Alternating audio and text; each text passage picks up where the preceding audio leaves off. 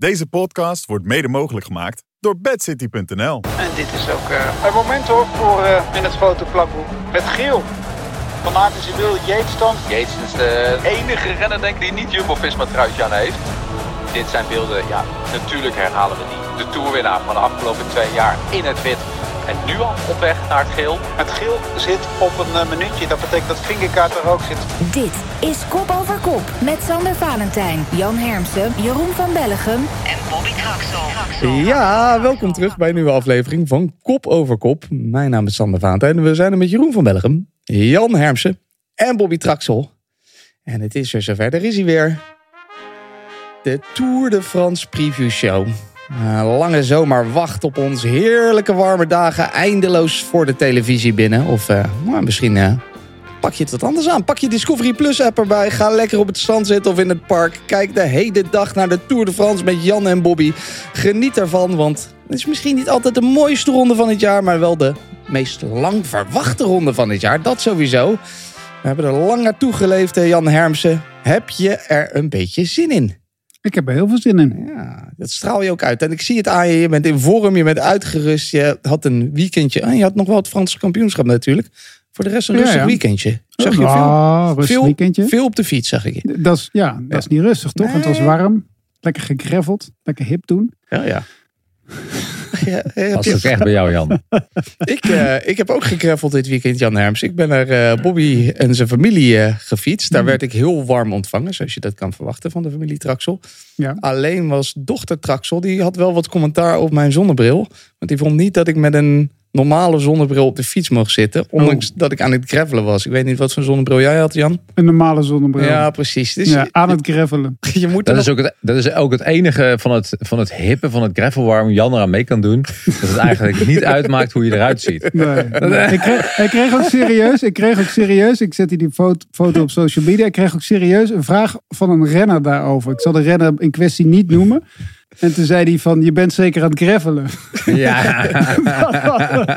dat vind ik dan toch wel mooi, toch? Dat iemand ziet aan je zonnebril dat je aan het gravelen bent. Hmm. Ik zou ook moeten gaan gravelen. Ja, Met je Ray-Ban. Ja. Echt iets voor jou. Uh, je hebt uh, genoten, Bobby, nog die laatste twee dagen van het NK. Je stond op een prachtig plekje met de camper.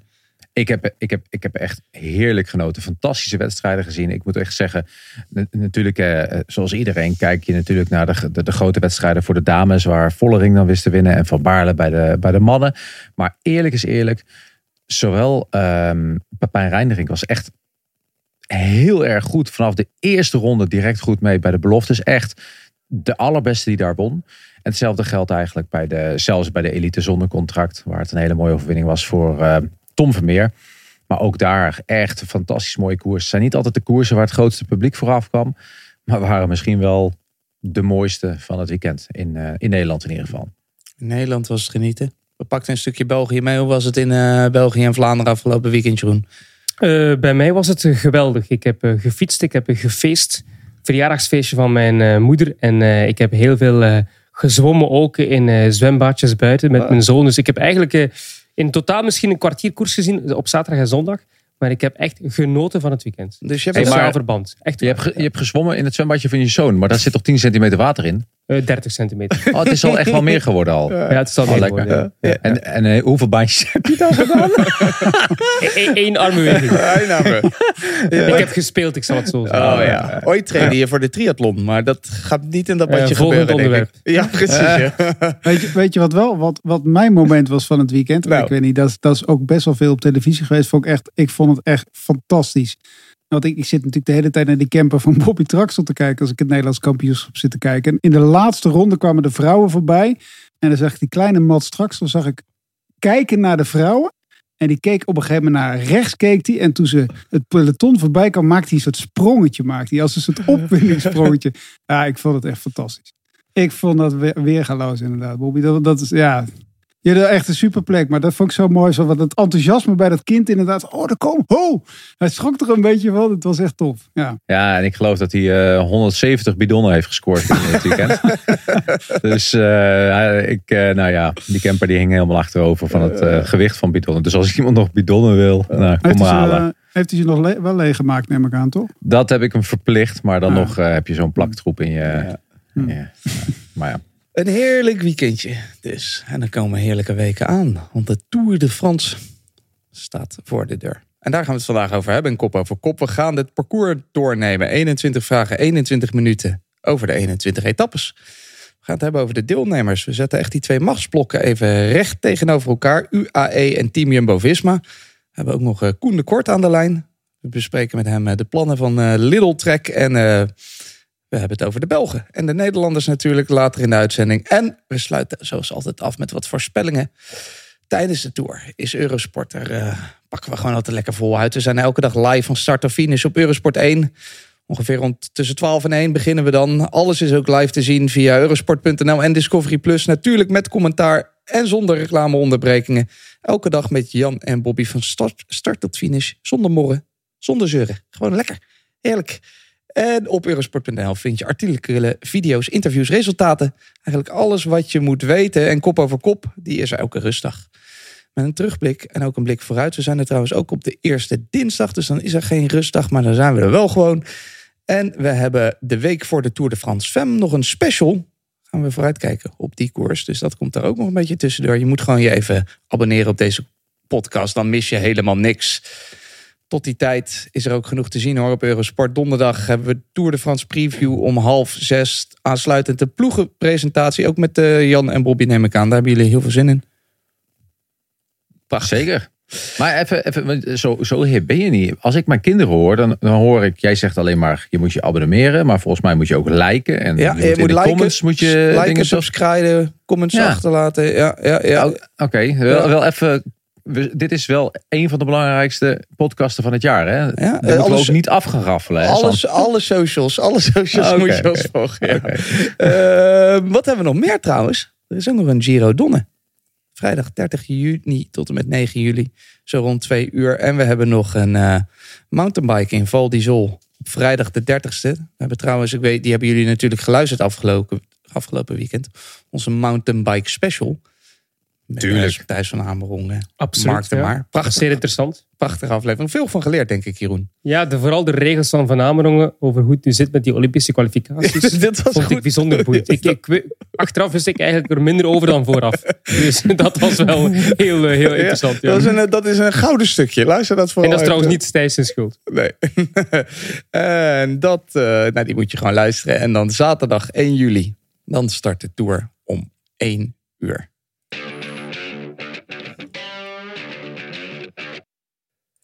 Voordat we echt eh, gaan beginnen, gaan we met een paar vragen een beetje terugkijken, een beetje vooruitkijken. We gaan er eh, lekker inkomen, Jan. Vorig jaar was eh, misschien wel de mooiste tour in jaren volgens velen. Wat had dat nou eigenlijk mee te maken? De, de dag van de Granon. Ja, de, de, de machtsvertoon van Jumbo-Visma. Was het de mooiste tour van in jaren? Nou, ja, was het zo. Dat, dat was een heel mooi moment. Maar als we Denemarken even eraf schrappen, inderdaad. Vanaf Denemarken, zeg maar, was, werd het wel een beetje leuk. Eh, Oké, dat was natuurlijk mooi. Hè? Met de ritzegers van de lage landen was de start natuurlijk wel mooi. Maar ik vond eigenlijk van de tour, ik vond eigenlijk de tour die de eerste tour die Pogacar won, vond ik de mooiste tour eigenlijk ook. En die tour, ja, de, de, de tour daarna vond ik ook nog wel mooi. Maar ik vond die van vorig jaar. En die ik daarvoor? Ja, nou, maar ik Ah, vond, ook wel, hè? ja, Ja, ja, dat was ook wel. Die van 97 was ook nog wel leuk. Hè? ja, ik vond hem, 98 iets minder, Ja, maar oké. ja, die was wat Blijf wel in ons hoofd zitten. Ja.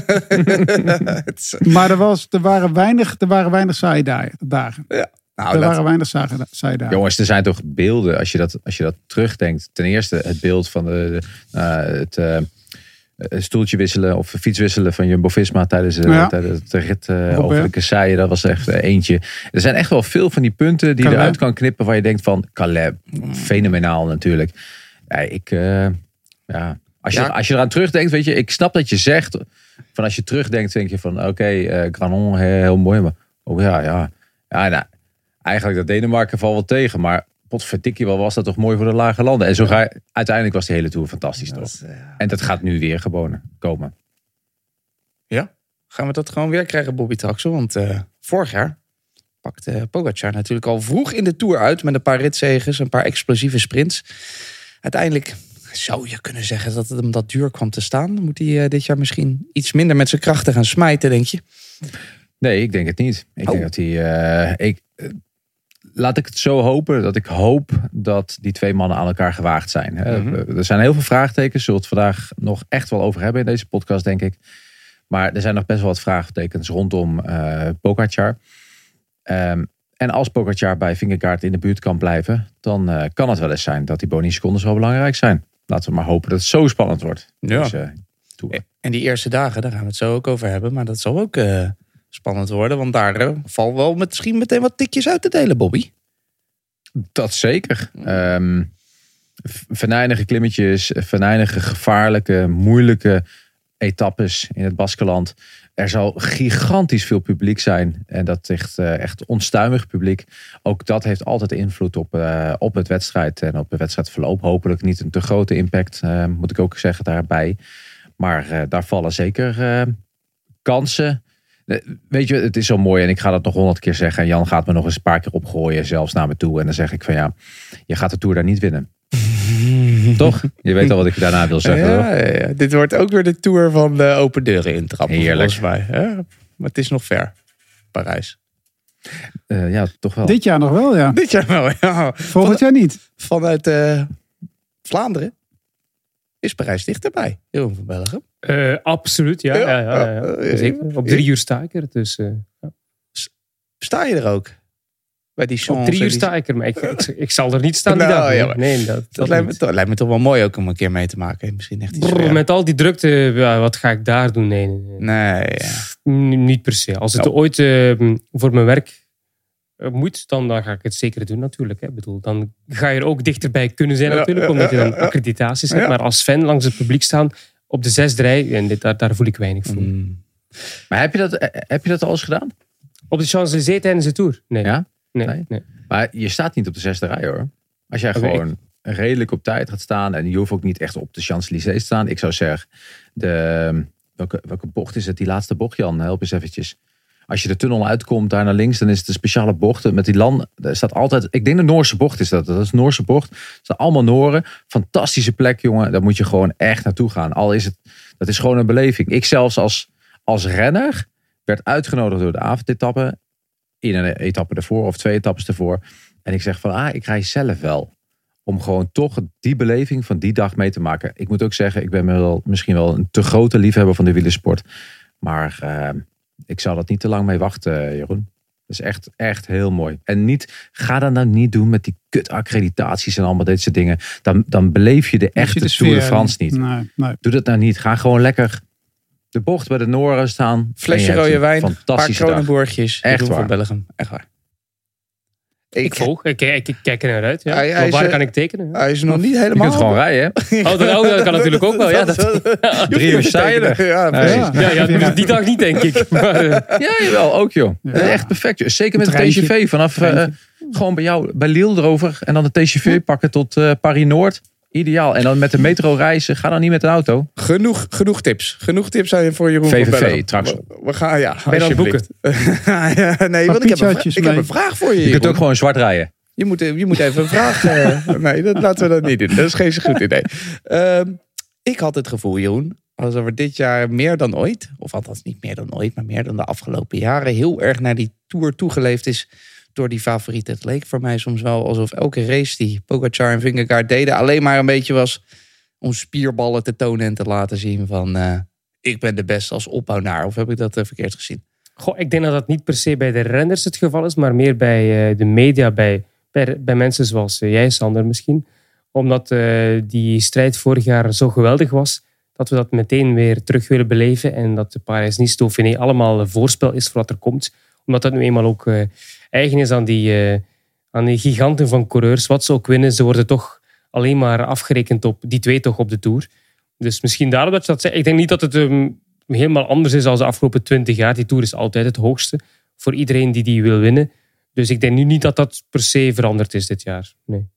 Maar wel misschien voor, voor de mensen die de koers volgen. Ja, dat wel. Mooie etappes komen eraan. Eh, dat gaan we zo meteen bespreken. Voordat we dat doen, vorig jaar was het de Tour van de Denen. Start in Kopenhagen. Dat vond Jan een beetje saai. Maar dat was wel een hele goede, een goed jaar voor de Denen. En eh, ze wonnen natuurlijk het klassement. Ze wonnen wat ritten. En wij hebben echt inside information van een Deen en collega hier bij Eurosport. Hello, my favorite Dutchies from Cup over Cup. The Tour de France is coming up, and uh, I think it's going to be a Danish dominated Tour de France as last year. Jonas Vingegaard is the defending champion, um, and to be honest, we don't know that much about his. Uh, what he have what he has done so far since the Dauphiné. He skipped um, he skipped the nationals, but from what we're hearing is that he's been on the altitude camp uh, before the tour in Tignes, preparing the last bit, and it seems like he is better than ever.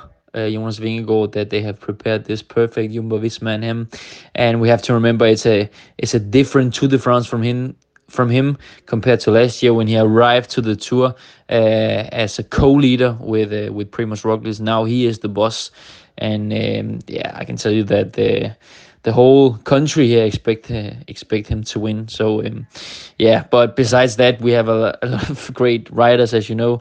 Matthias Gilmos, who won the, the, the Tour de Suisse, just won a very very tough and hard uh, national championships and yeah, he was the strongest man. Of course, he uh, he took advantage that he had Mads Pedersen, uh, Mads Pedersen as well as we say in Danish. Um, but he almost also won the time trial. He was only um, 28 seconds behind Kasper Eskren on, on 39 kilometers time trial, but he had a puncture, had to change his bike with around um, around 15 kilometers to go. I think he would have won. So almost double Danish champion. He is in his his life or his form of the life for sure.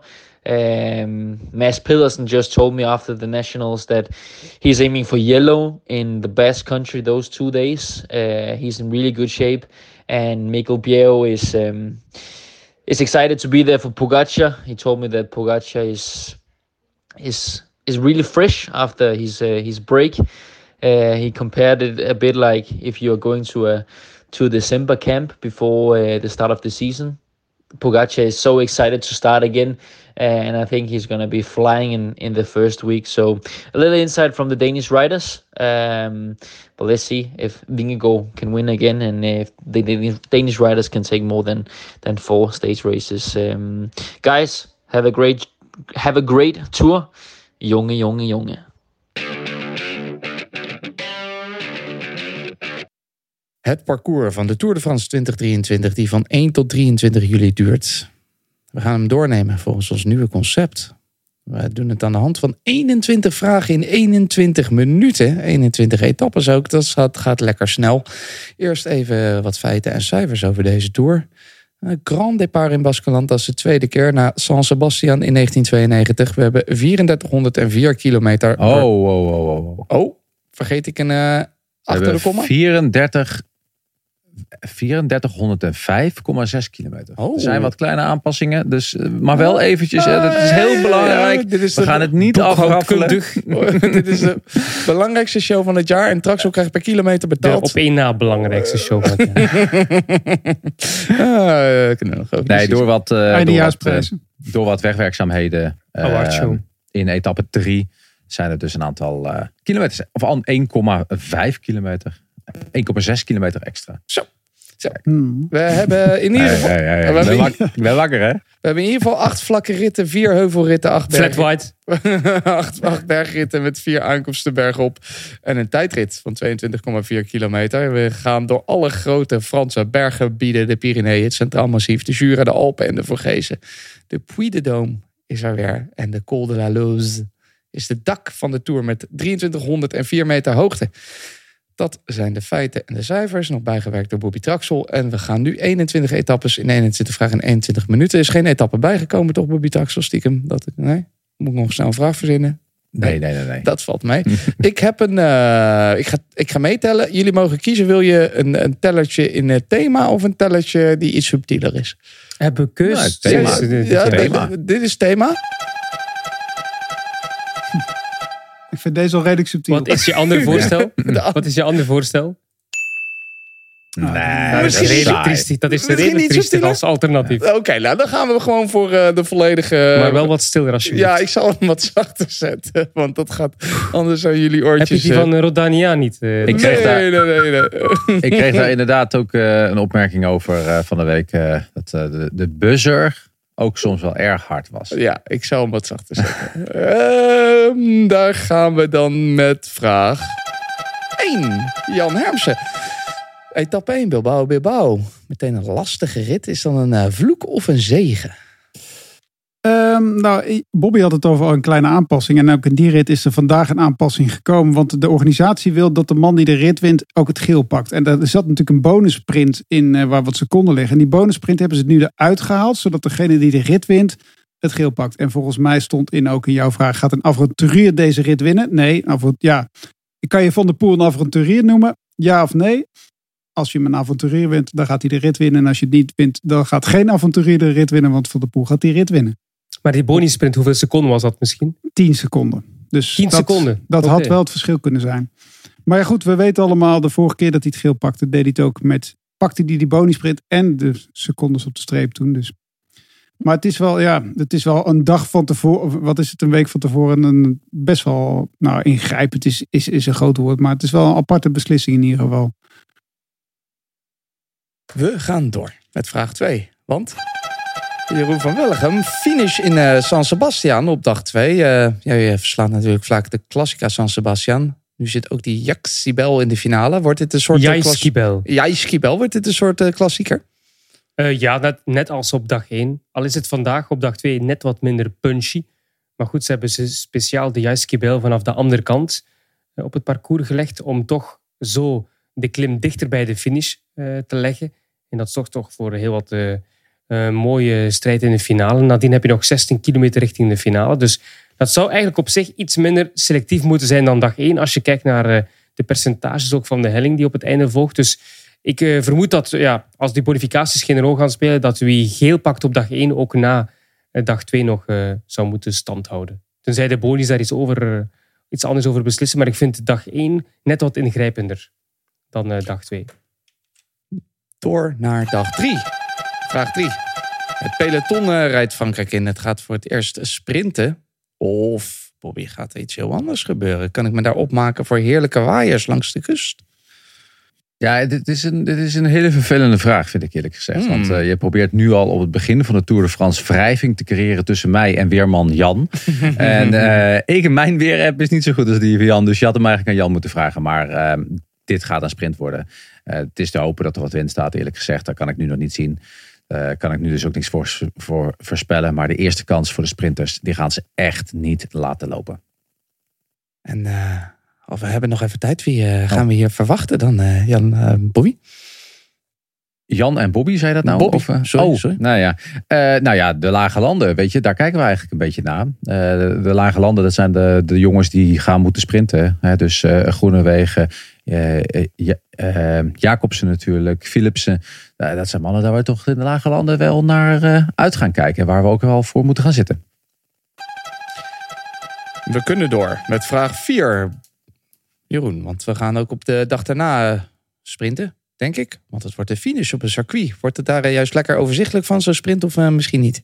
Wel, de wegen de, zijn wel zeer breed uh, in die finale. Maar het is wel bochtenwerk ook. De laatste hm. bocht op 800 meter. Dus dat is wel goed dat je wat bochten hebt, en maar niet helemaal diep in de, die laatste kilometer. Dus ik vind het wel heel goed uitgedacht.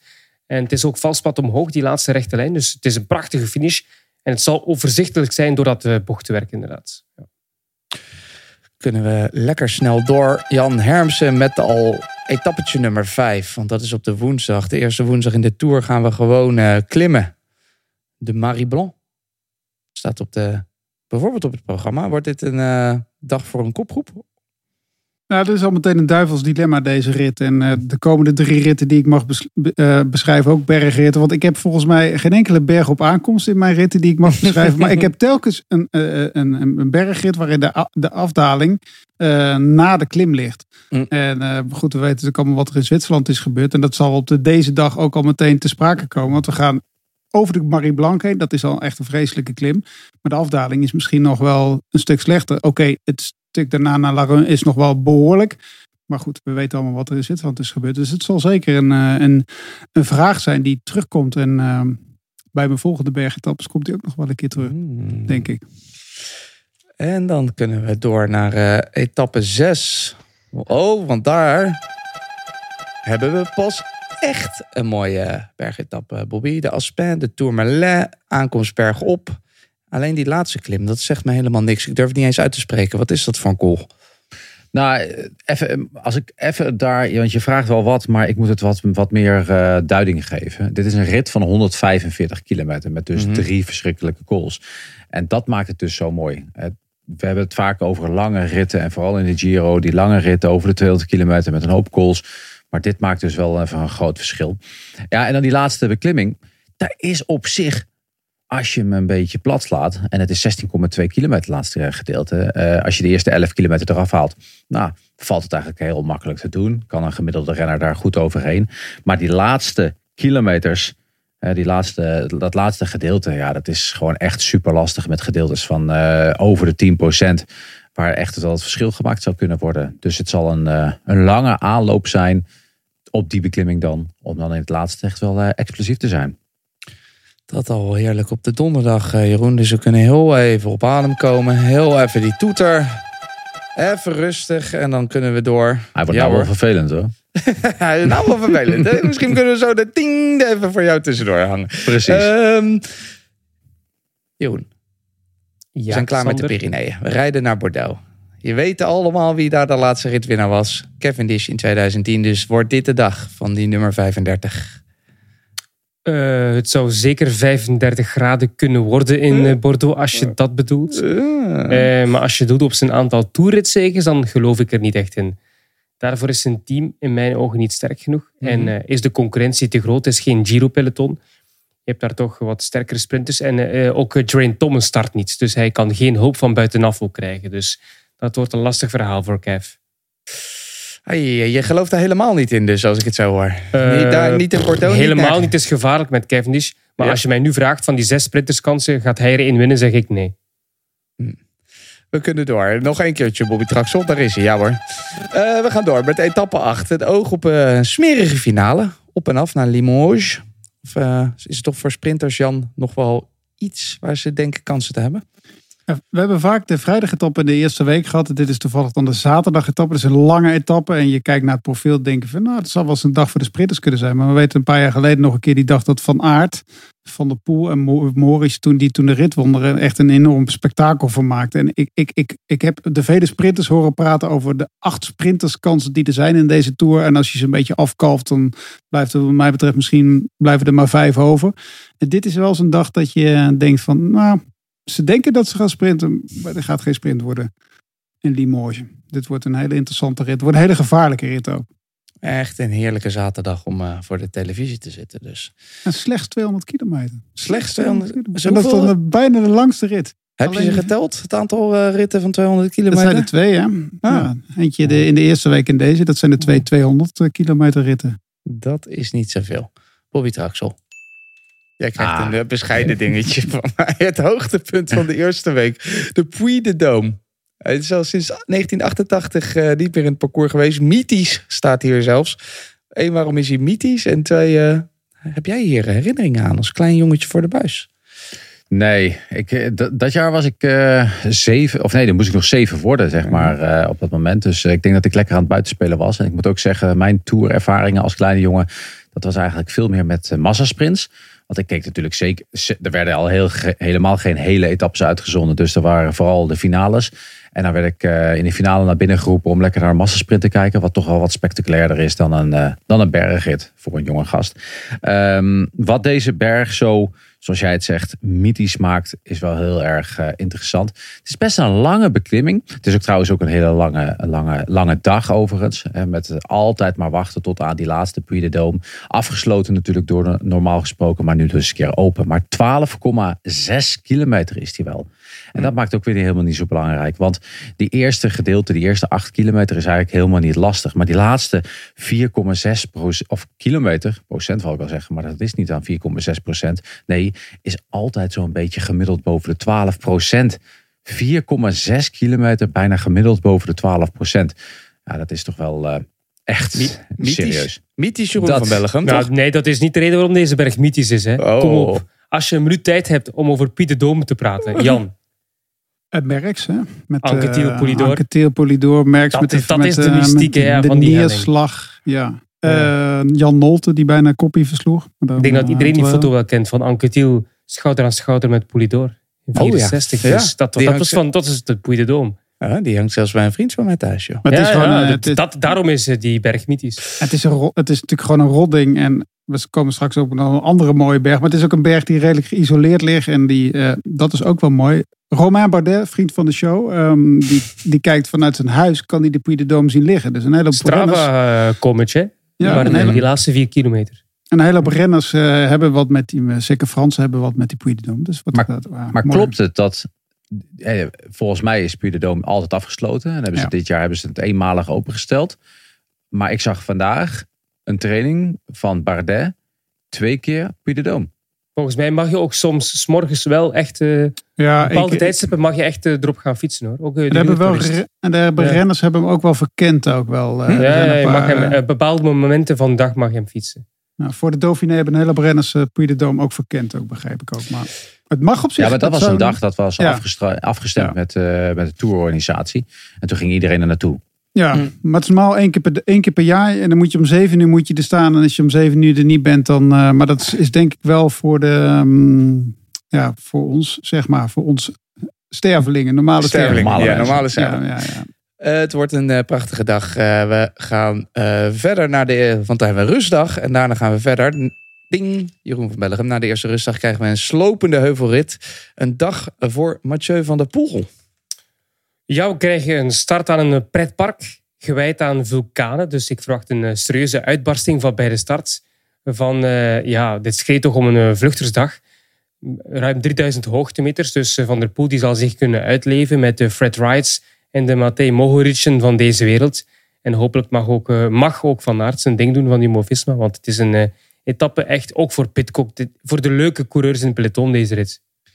Dit klinkt echt heerlijk, Jeroen. Ja, eerst, eerst zondag, die Puy de dan een rustdag en dan dinsdag. Ach man, dit wordt genieten. De dag daarna, Jan Hermsen, krijgen we een vlakke etappe tussen twee heuvelritten in. Dat wordt dus Ah, gewoon een... eh, of Ja, zie ik het verkeerd? Ja, nee, ik, ja ik, weet niet, ik weet niet welke leesbril je op had. Maar eh, ook, ook dit, is, dit wordt dan aangekondigd als een sprinterschip. Maar ik bedoel, het, in het begin is hij toch echt wel serieus lastig. En we zitten in het Centraal Massief. Eh, dus ja, eh, ik, zou niet, ik zou dit niet direct een sprinterschip willen noemen. Nee? Ook, eh, nee. Ah. Het ligt eraan hoe ver iedereen in het klassement staat. De sprintersritten, eh, sprinters zullen het wel proberen. Maar als je een sprinter op moet gaan noemen, dan zou ik dus een man als Van Aert opnoemen. Of een Matthews of zo, eh, die eh, lang mee kan. Maar Misschien een Petersen. Ook zo'n man. Ja. Maar zo'n dag. Ja. Het moet wel een sterke sprinter zijn, zeg maar. een sterke sprinter, ja. Ja, ja, ja. Sagan, bijvoorbeeld. Nou, dan als ik het goed begrijp, eh, Bobby, dan hebben we dus op dinsdag een heuvelrit, op woensdag een soort heuvelrit en dan op eh, donderdag weer zo'n heerlijke heuvelrit. Want dan eh, doet een beetje Ardennes aan zelfs. Misschien wel een van de laatste kansen voor aanvallers voor we echt de berg ingaan. Ja, bijna 3200 hoogtemeters die we gaan afwerken. Geen meter vlak. Eh, dus niet super lastig. Het is precies wat je zegt. Maar wel de hele dag eh, op en af. Met een afstand van 170 kilometer. Het gaat weer. Ik hoop dat het weer een flitsende wedstrijd gaat worden. En alle, nu- al. We zijn nu volgens mij op de helft. We, we gaan er echt heel snel doorheen. Maar eh, heb ik nog geen saaie etappe gezien. Nee, eigenlijk niet. Bizar, zo, hè? ja, we eh, gaan, en dan gaan we door eh, naar etappe 13 alweer, Jeroen van Bellegem. Want dan gaan we aan op de Grand Colombier. Daar Waar Pogacar won in 2020. Een prachtige klim, maar ook echt iets voor hem. Ja, er zijn weinig calls die natuurlijk eh, geen poggy-beklimmingen zijn. Maar het is wel een lange hè, van eh, 17 kilometer. En die zou eigenlijk Vingegaard iets beter moeten liggen. Een voordeel voor Pogacar is wel dat er onderweg niet al te zware beklimmingen zijn. En eh Vingegaard is in het voordeel na een lange, zware dag over verschillende calls. Pogacar die heeft het dan weer liever wat rustiger om op het einde te knallen. En eh, ja, dat heeft hij natuurlijk nu wel. Dus ja, het ligt hem wel goed. Eh, hij zal het wel leuk vinden. Ook die tempowisselingen, dat gaat hij wel eh, aangenaam vinden. Ook weer een korte rit hè. Minder Ja. dan 140 kilometer. Zo. En vorige keer Een eh, korte werkdag. Kraakte Bernal op deze, op deze Grand Colombier. En hij ligt altijd redelijk geïsoleerd. Hè? Dat is een redelijk, eh, het, is, het is een berg in, buiten massief eigenlijk ook. Dus er kan van alles met wind en zo gebeuren. En het is echt, het is echt, een, Mm. echt, een, echt een vreselijke klim. Heb jij hem al opgefietst? Ik heb hem eh, in, de, in koers een paar keer gezien. En ik heb hem Oh. in de verte zien liggen. En ik heb elke keer dacht ik van, ik ga er gewoon niet op. Want ik vind hem gewoon qua stijgingspercentages gewoon eigenlijk gewoon niet te doen. En echt te lang ook. Ik vind het echt een hele, hele vervelende klim. Ik rijd er niet voor om, zeg maar, voor deze. en ik ben vaak in de buurt geweest, maar ik, ik heb het niet gedaan. Dan denk je, nou, dit klinkt allemaal heerlijk. Maar dan hebben we etappe 14. En ja, dat staat eh, vier beklimmingen van de eerste categorie naar de Jouplan. Wel een finish weer in het dal? Of gaat dat eh, misschien nog veranderen, denk je, aan Hermsen? Nou ja, wat ik, wat ik net ook zei ook inderdaad. Ja. En deze is, en de Chouplaan is eh, de berg waar Armstrong, de enige berg waar Armstrong een hekel aan heeft. Dat is ook weer zo'n rot ding. Ik bedoel, hoeveel rotbergen er in Frankrijk liggen. eh, we gaan ze allemaal oprijden, lijkt het wel. Want eh, ja, die, die Chouplaan is echt ook een killer ook gewoon. Hè? Ik bedoel, eh 11,5 kilometer, 8,5 procent. Het is echt een, echt een rotding. En dan inderdaad die afdaling, ja. Zeg het maar, gaan we het nog doen hè? Dat is een beetje de grote vraag. Ik denk dat we het wel gewoon gaan doen. En, eh, maar ja, wat ik al zei, daarvoor in de Pyreneeën hebben we er een. Deze is dan nog een stuk eh, korter. Als het dicht close staat in het klassement. En ja, gaan mensen toch risico's nemen. En dat, dat ik, een week geleden hadden we het daar heel anders over natuurlijk ook. Dus Mhm. het, wordt wel, het is wel een dingetje. Het is wel een dingetje. Ja. Maar ze gaat niet aanpassen, nee. Nee, dat nee want je kan niet boven op de Chouplaan eindigen. Nee. En om nu nog eh, dingen daar te gaan veranderen in het Nee. parcours, dat is, eh, wordt denk ik te lastig. We kunnen door. Etappe 15 al. Ik- Als je kijkt, Bobby, zeker jij, krijg je al pijn in je benen van dit profiel. Heel veel verschillende klimmen, lopers, steile muren. Misschien wel een van de gevaarlijkste dagen van de Tour. En waarom, Bobby? Nou, weet je, als het een van de gevaarlijkste dagen is, is het meestal niet de gevaarlijkste dag. Ah Eh, Dat is het, het moet juist van de verrassing komen en dat hopen we ook. Dit gaat wel een hele lastige dag worden. Wat ik verwacht hier in de eerste fase nog wel een aantal eh goede klimmers of klassementsmannen die uit het klassement zijn gevallen. Die in het eerste gedeelte echt met een kopgroep weg willen rijden om in het laatste gedeelte te proberen om deze rit te winnen. Ik verwacht, ehm, nou nee, ik verwacht geen strijd voor twee posities. eh, maar dat zou wel de situatie kunnen zijn. Dus dat je een kopgroep hebt voor de rit. En daarachter dat er wel wat zou kunnen gaan gebeuren in het klassement. Hmm. Dus het is, een, het is een hele moeilijke dag. Hè? Daar doel je eigenlijk meer op Ja, dan dat het ja. een gevaarlijke dag is. En juist omdat het zo'n moeilijke dag wordt, ja, is dit, eh, speelt het. Ik, ik denk dat de verrassing misschien wel eens op de ene laatste dag kan vallen. Oeh, nou daar komen we zo meteen op. Want we zijn pas eh, bij eh, etappe 16. De enige tijdrit, Jeroen, van deze hele Tour. Dat is op zich wel bijzonder. Dat op dag, was op dag 16. Wat is het voor tijdrit? Eh, geen vlakke alvast, 22,4 kilometer. De eerste 16 heb je één beklimmingje. Eh, voor de rest de glooiende wegen. En dan in de finale de Côte de Domancy. twee- eh, 2,5 kilometer aan 9,4 procent. En na de top loopt het wat nog verder door, bergop. 3,5 kilometer lang. Dus ja, is echt een, eh, alweer een zware dag bergop. Eh, ik vind het op zich jammer, maar goed, daar kunnen we straks misschien nog kort over praten. Over die eh, tijdritten, of het gebrek aan tijdritten. Eh, maar er zal ook veel gediscussieerd worden, denk ik, over het materiaal. We hebben Koen ook eh, zo meteen, denk ik, eh, bij ons om te praten over eh, de kandidaten bij Nederland en België. Wel, ik denk dat hij ook wel wat over dat materiaal kan praten. Mm. Misschien over die tijdrit, want dat is wel een dingetje volgens mij. Met die klim op het einde, wat gaan ze doen? Eh, Gaan ze wisselen? Waarschijnlijk niet. Eh, Welke fiets kiezen ze? Vind ik een interessant thema. We gaan het eh, zo meteen zeker even vragen aan Koen. We hebben nog een, etappe, een paar etappes te gaan. We beginnen bij eh, etappe 17. Het dak van de to- Tour. De Col de la Loze. 2020 was hij voor het laatst. Toen hadden we een mooie strijd daar. Ja, ik ga niet weer de vraag stellen, eh, Jan Hermsen, Nee. waarom we niet op de top finishen. Nou, daar Maar kan dit- het wel, want daar zijn we dus al een keer eerder geëindigd. Ja, ook. precies. Dus dat Dus zou dat wel kunnen. Maar dit is wel een, ook een prachtige etappe met eh, die klim. Of eh, is hij zwaar? Hoe eh, ziet hij Ja, eruit? die los is wel heel zwaar. En ook de kom met de Rosela is ook een, echt een fantastische klim. Mhm. Ik bedoel, dit, zijn, dit, zijn, dit is wel... Ja, is dit de koninginrit? Ik Denk het wel, toch? Is, is dit de koninginrit? Ja. Nou, de sessie is een mooie klim. Rosela is een mooie klim. Die, die, die los is wel echt een hele lange klim ook. Echt vanaf, zeg maar, vanaf Moutier ga je helemaal tot 7, wat was het, tot 2300 meter. En dan die afdaling nog richting Courchevel. Ja, het is wel, ja, het is, het is echt een, eh, een plaatje van een rit ook. In ieder geval een rit die eh, de grote mannen met een beetje eergevoel zelf willen winnen, denk ik. Dat denk ik wel. Het is in ieder geval op papier degene met de meeste, eh, ruim de meeste hoogtemeters. Hoeveel? Dit is 5000 deze. Ehm 5400. Zo. Dat is een eh, marmotje. Een momentje die je daar moet redden. Maar Ja, plus. heerlijk. Op, 100 op 186 kilometer, hè? Hm. Oh, nee, sorry. 166. 66, ja. Op 166 kilometer 5400 euro. Nou, dat, klinkt, eh, dat klinkt heel goed. En dat op dag, vlak, hè? dat, En de eerste op, 20 kilometer zijn vlak, hè? Dus eh, dat op dag 17. Nou, moet je er nog staan, eh, Bobby. Want eh, dan hebben we dat gehad. En dan hebben we opeens twee wat makkelijkere ritten. En dan heb je, krijg je een beetje, een beetje misschien Giro-idee. Of gaat de Tour daar als een nachtkaars uit? Of ben ik dan veel te negatief? En dan ben je veel te negatief. En zeker Ja. vanuit het Ne- Nederlandse Belgische perspectief. Want we hebben dus die sprinters in Nederland en België. En die gaan gewoon hele mooie wedstrijden maken. En ik hoop ook dat ze er allemaal nog zijn in etappe 18. En dat we gewoon eh, nou, dat we op zoek zijn naar de beste sprinter van deze Tour. En dat we dat in de laatste dagen nog gaan zien. Ik vind het wel mooi. Die eh, dag daarna, de etappe 19, Jeroen, hebben we ook nog een eh, vlakke rit. Daarna gaan we nog een keer de berg in. Maar op die dag, op de etappe 19, eh wat van renners gaan zich dan laten zien? Mensen die wat hebben goed te maken. Ehm, Zeg. ik denk dat die Jan gelijk heeft. Hij moet een nieuwe leesbril kopen. Want die, die Vlakke rit- 19e rit, een vlakke rit, hè? ja, voor volgens mij zit dat, zitten in de Jura, hè? Dus volgens mij dat 2500 hoogtemeters of zo, die rit. Als ik het goed heb gezien. Oh, oh, oh, oh. Dus dat is een verre van vlak, hè? Eh, wel, eh, het is die dag, Sander Valentijn, 21 juli. Wat zegt jou 21 juli? Eh, dan ben, nee, dan ben je niet Het is jarig. de Belgische Nationale Feestdag. Oh. Dus een perfecte rit ook voor Belgen. Zo'n klassieke etappe. Eh, fietsen onderweg ook trouwens langs eh, een voormalige woonplaats van een chemicus, Louis Pasteur.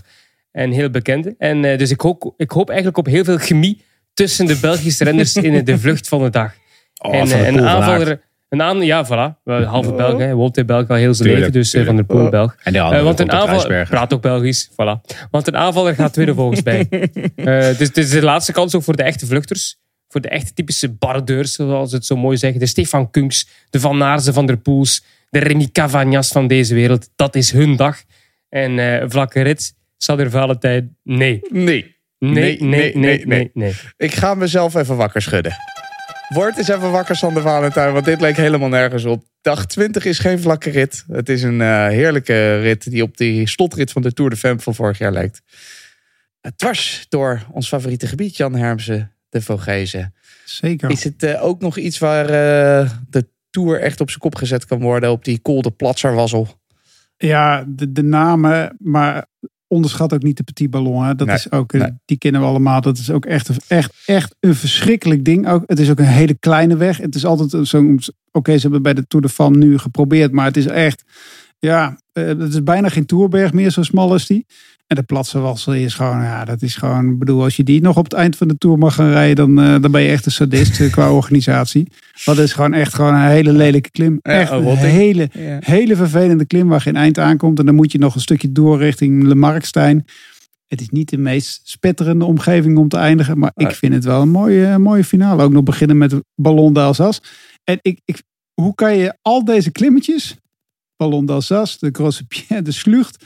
de Petit Ballon en de Platsen was we allemaal in 133 kilometer. eh, dat is toch wel knap, hè? Dat is knap, ja. ja. En de belangrijkste vraag bij deze etappe is... Wat wordt het weer, Jan? Eh, Want het kan- lekker weer. Lekker. Ja, kom op jongen. Het is kan toch mooi omdat het spoken hier daar. Het kan toch fokken weer is. ja. Zoals is- Jalabert toen de tijd in, eh, in de, in de reed in de Tour de France. Dat het echt slecht weer wordt met dit soort klimmetjes. Dan kan hier gewoon die hele Tour de France op zijn kop gaan. En je wil niet de afdaling van de Petit Ballon en slecht weer rijden. Nee, nee, Nee. zeker niet van die kant. Dat is eh verschrikking. Dan. Mocht de toeter er nog wel een keertje bij, Bobby Traxel. Want we zijn bij de laatste etappe. De slotrit. Misschien een knipoog naar de baan. We starten bij de Olympische wielerbaan van 2024. Jij hebt een glaasje champagne. De renners hebben een glaasje champagne. En dan komt daar het gouden moment. Mensen houden de benen weer stil, links en rechts. En Kev wint zijn 35ste op de Champs-Élysées. Eh, Als dat lukt, dan. ehm, ik, ik, nou, ik, ik, hoor, ik hoor bij het groepje mensen dat het eh Cavendish zou gunnen. Eh, ik zou het ook echt wel eh, een mooi verhaal vinden. Ik vind het ook mooi als sommige ehm, momenten beleefd kunnen worden in de huidige tijd en niet in de verleden tijd, zodat je er weer een paar jaar nou ja, heel lang over kunt doen voordat de volgende weer komt, die 35 of 36 weer rit over wat. Dus ik, ik hoop het voor hem, maar ik moet ook eerlijk zijn dat ik het eens ben met Jeroen dat eh, de kwaliteit van de ploeg echt wat tekort komt. Maar natuurlijk in de loop van de Tour de France kunnen de kwaliteiten van de andere ploegen ook achteruit gaan. En eh, dit eh, ploegje met bijvoorbeeld zeer ervaren mannen kunnen er toch voor gaan zorgen dat het wel lukt. Dus ik, ik, ik zal het wel een fantastisch verhaal vinden. En hoorde ik jou nou champagne zeggen, Sander Champagne, Valentijn? ja. Hoorde ik jou champagne zeggen? Dus Ja. dan weet je, al, weet je al wie er gaat winnen. En weet je ook wie er niet gaat winnen in ieder geval. Waarom? Want jij Mag, hebt natuurlijk al die, eh, al die laatste ritten de afgelopen jaren gekeken. Maar vorig jaar werd er voor het eerst in drie jaar weer champagne gedronken. Hè? Oh. Is dat zo? Is dat Ja. helemaal uit de gratie geraakt? Bij UAE mag het niet, hè? Bij UAE wordt er Oh, geen champagne gedronken. Dus- dat drinken ze Dus- flat white. Vanaf volgend jaar bij Saudi-Arabië ook niet. Nee, dat is jammer. Wordt dat gezellig. Eh, Feest. Plat water. Plat water. eh, bruisend. Zo uit de bidon. Heerlijk. Kinderchampagne. Ja, dat zei trouwens nou, Michael Matthews ergens in het begin. van- Maar die rijdt natuurlijk helemaal geen Tour de France. Hè? Dus, Eh, maar het was wel een mooie rit geweest die ik toen Absoluut. eh, voor Matthews. Ik heb al een paar keer geding ding ding, want we zijn klaar. we hebben 21 eh, etappes in de, de- de- ja, misschien 21 minuten. Het zal wel weer iets meer zijn geweest. We hebben net de intro gehad van de podcast. Het gaat goed. Ja, en dan gaan we verder. We gaan het hebben over de favorieten. Over de Nederlanders en de Belgen. Maar we gaan ook iemand verwelkomen in de podcast. Naar eh, vele mooie optredens. Tijdens het Giro moest je bij de Tour natuurlijk ook even aansluiten. Koen de Kort, leuk dat je er weer bent. Ja, leuk om er weer te zijn. Nou, heb, je heb jij net zoveel zin in de Tour de France als Jan Hermsen? Ja, ik heb heel veel zin in de Tour de France, dat is zeker. Ik eh, ben ook al heel blij als het straks eenmaal echt vertrokken is na al het eh, werk om de ploeg over te zetten naar Lidl Trek. En hoeveel ben jij er in de Tour? Eh, nou, ik ben in ieder geval de voorbereiding op de Tour. Dus eh, vanaf woensdag ben ik in Bilbao. En dan ben ik de eerste zeven etappes ook in de Tour zelf. Hmm, dat is heerlijk. En ga Was je het dan... nou een grap? Even sorry hoor, maar was het nou een grap, Koen? Het was veel werk om de hele ploeg om te zetten naar een Lidl Trek. Ja, Ze hadden Zeker, niet allemaal kleine fietsjes rijden. Nee, maar we moeten wel allemaal nieuwe fietsen hebben. Ah. Maar wel dezelfde maat, gelukkig. Ah, ja, ja, ja, ja. Maar eh, dat betekent... Oh nee, ja, dan, nee, nee oké. Nee, sorry. Oké, Nou ja, bel, bel maar. Maar ja. wat een mooie ploeg hebben ze om meteen al van wal te steken, Sander, in die Tour. Prachtig. Lidl Trek, toch? ja, nee, ik eh, ben er eh, Echt een hele mooie op. ploeg. Volgens mij hebben we echt eh, een eh, goede uitgebalanceerde ploeg ook staan met eh, grote namen hè, en veel toekomst ook, denk ik nog. Ah, ik vind vaak zo de ploeg van eh, Trek, als ik eerlijk mag zijn, niet zo, niet zo heel interessant eh, in de Tour vaak. Maar nu echt leuke coureurs. Ja, nou ja, ik, eh, ik kan me er inderdaad wel iets bij voorstellen wat je bedoelt. Want ja, goed, nu denk ik echt dat, je, dat we een paar mannen hebben die echt etappes kunnen winnen. Ook in ontsnapping, in, in de sprint. Wa- waarschijnlijk wel bij de iets lastigere sprints, maar toch. En ja, voor het klassement denk ik dat we ook gewoon echt wel mee kunnen doen. En een goed Nee, maakt doe dat niet. Doe dat niet, ja, Ja, dat is natuurlijk al, onze ja, mening. Dat is, dat is onze mening. Ik bedoel, misschien zeg jij iets anders. Hey Bobby, we hebben het al vaak gezegd in Ja, elkaar. hè. Ciccone is ten eerste geen klassementsrenner, denken we. Hè, die gaat voor de bolen, voor de etappes. Maar Schelmozer, laat die toch aanvallen. Etappes winnen. Lekker voor Ja. het klassement laten gaan, die jongen. Maar Ik- hoeveelste kan die worden, denk je? Op zijn best, eh, Jan. Zevende, achtste, tiende, vijfde. Ja, geen idee. Maar eh, laat het maar uitproberen, toch? Ik ben- vind het niet zo erg. Heeft Ik ook in Giro gereden. eens. Bij Lidl le- letten ze op de kleintjes, hè? Hij blijft bezig. Maar het moet echt afgelopen zijn, eh straks. Oké, Oké, sorry. een serieuze podcast te hebben. Wat, vind, Nee, wat denk jij? snap- Waarom eh Skelmoos eh, naar... eh, is dat, eh, waarom die keuze? Om hem echt voor een eh, klassement te laten gaan. In plaats van eh, wat eh, Jeroen en Bobby graag zouden zien. Beetje aanvallen. Ja, ja, ik denk dat het wel gewoon echt een renner is die dat in de toekomst zeker moet kunnen. Die hopelijk in de toekomst voor een eh, podium eh, mee kan doen. En ja, daar zal hij nu waarschijnlijk nog wel iets voor tekort komen. Maar ja, het is wel iemand die nog jong is en die ook nog heel veel te leren heeft. En ik denk dat hij, zeker als hij nu gewoon al een keer voor eh, een klassement probeert te gaan rijden, dat hij daar al heel veel van leert. En als hij dan echt fysiek aan kan om op het podium te gaan rijden, dat hij ja, dan ook al die ervaring heeft van een keer drie weken eh, alles ervoor te moeten doen.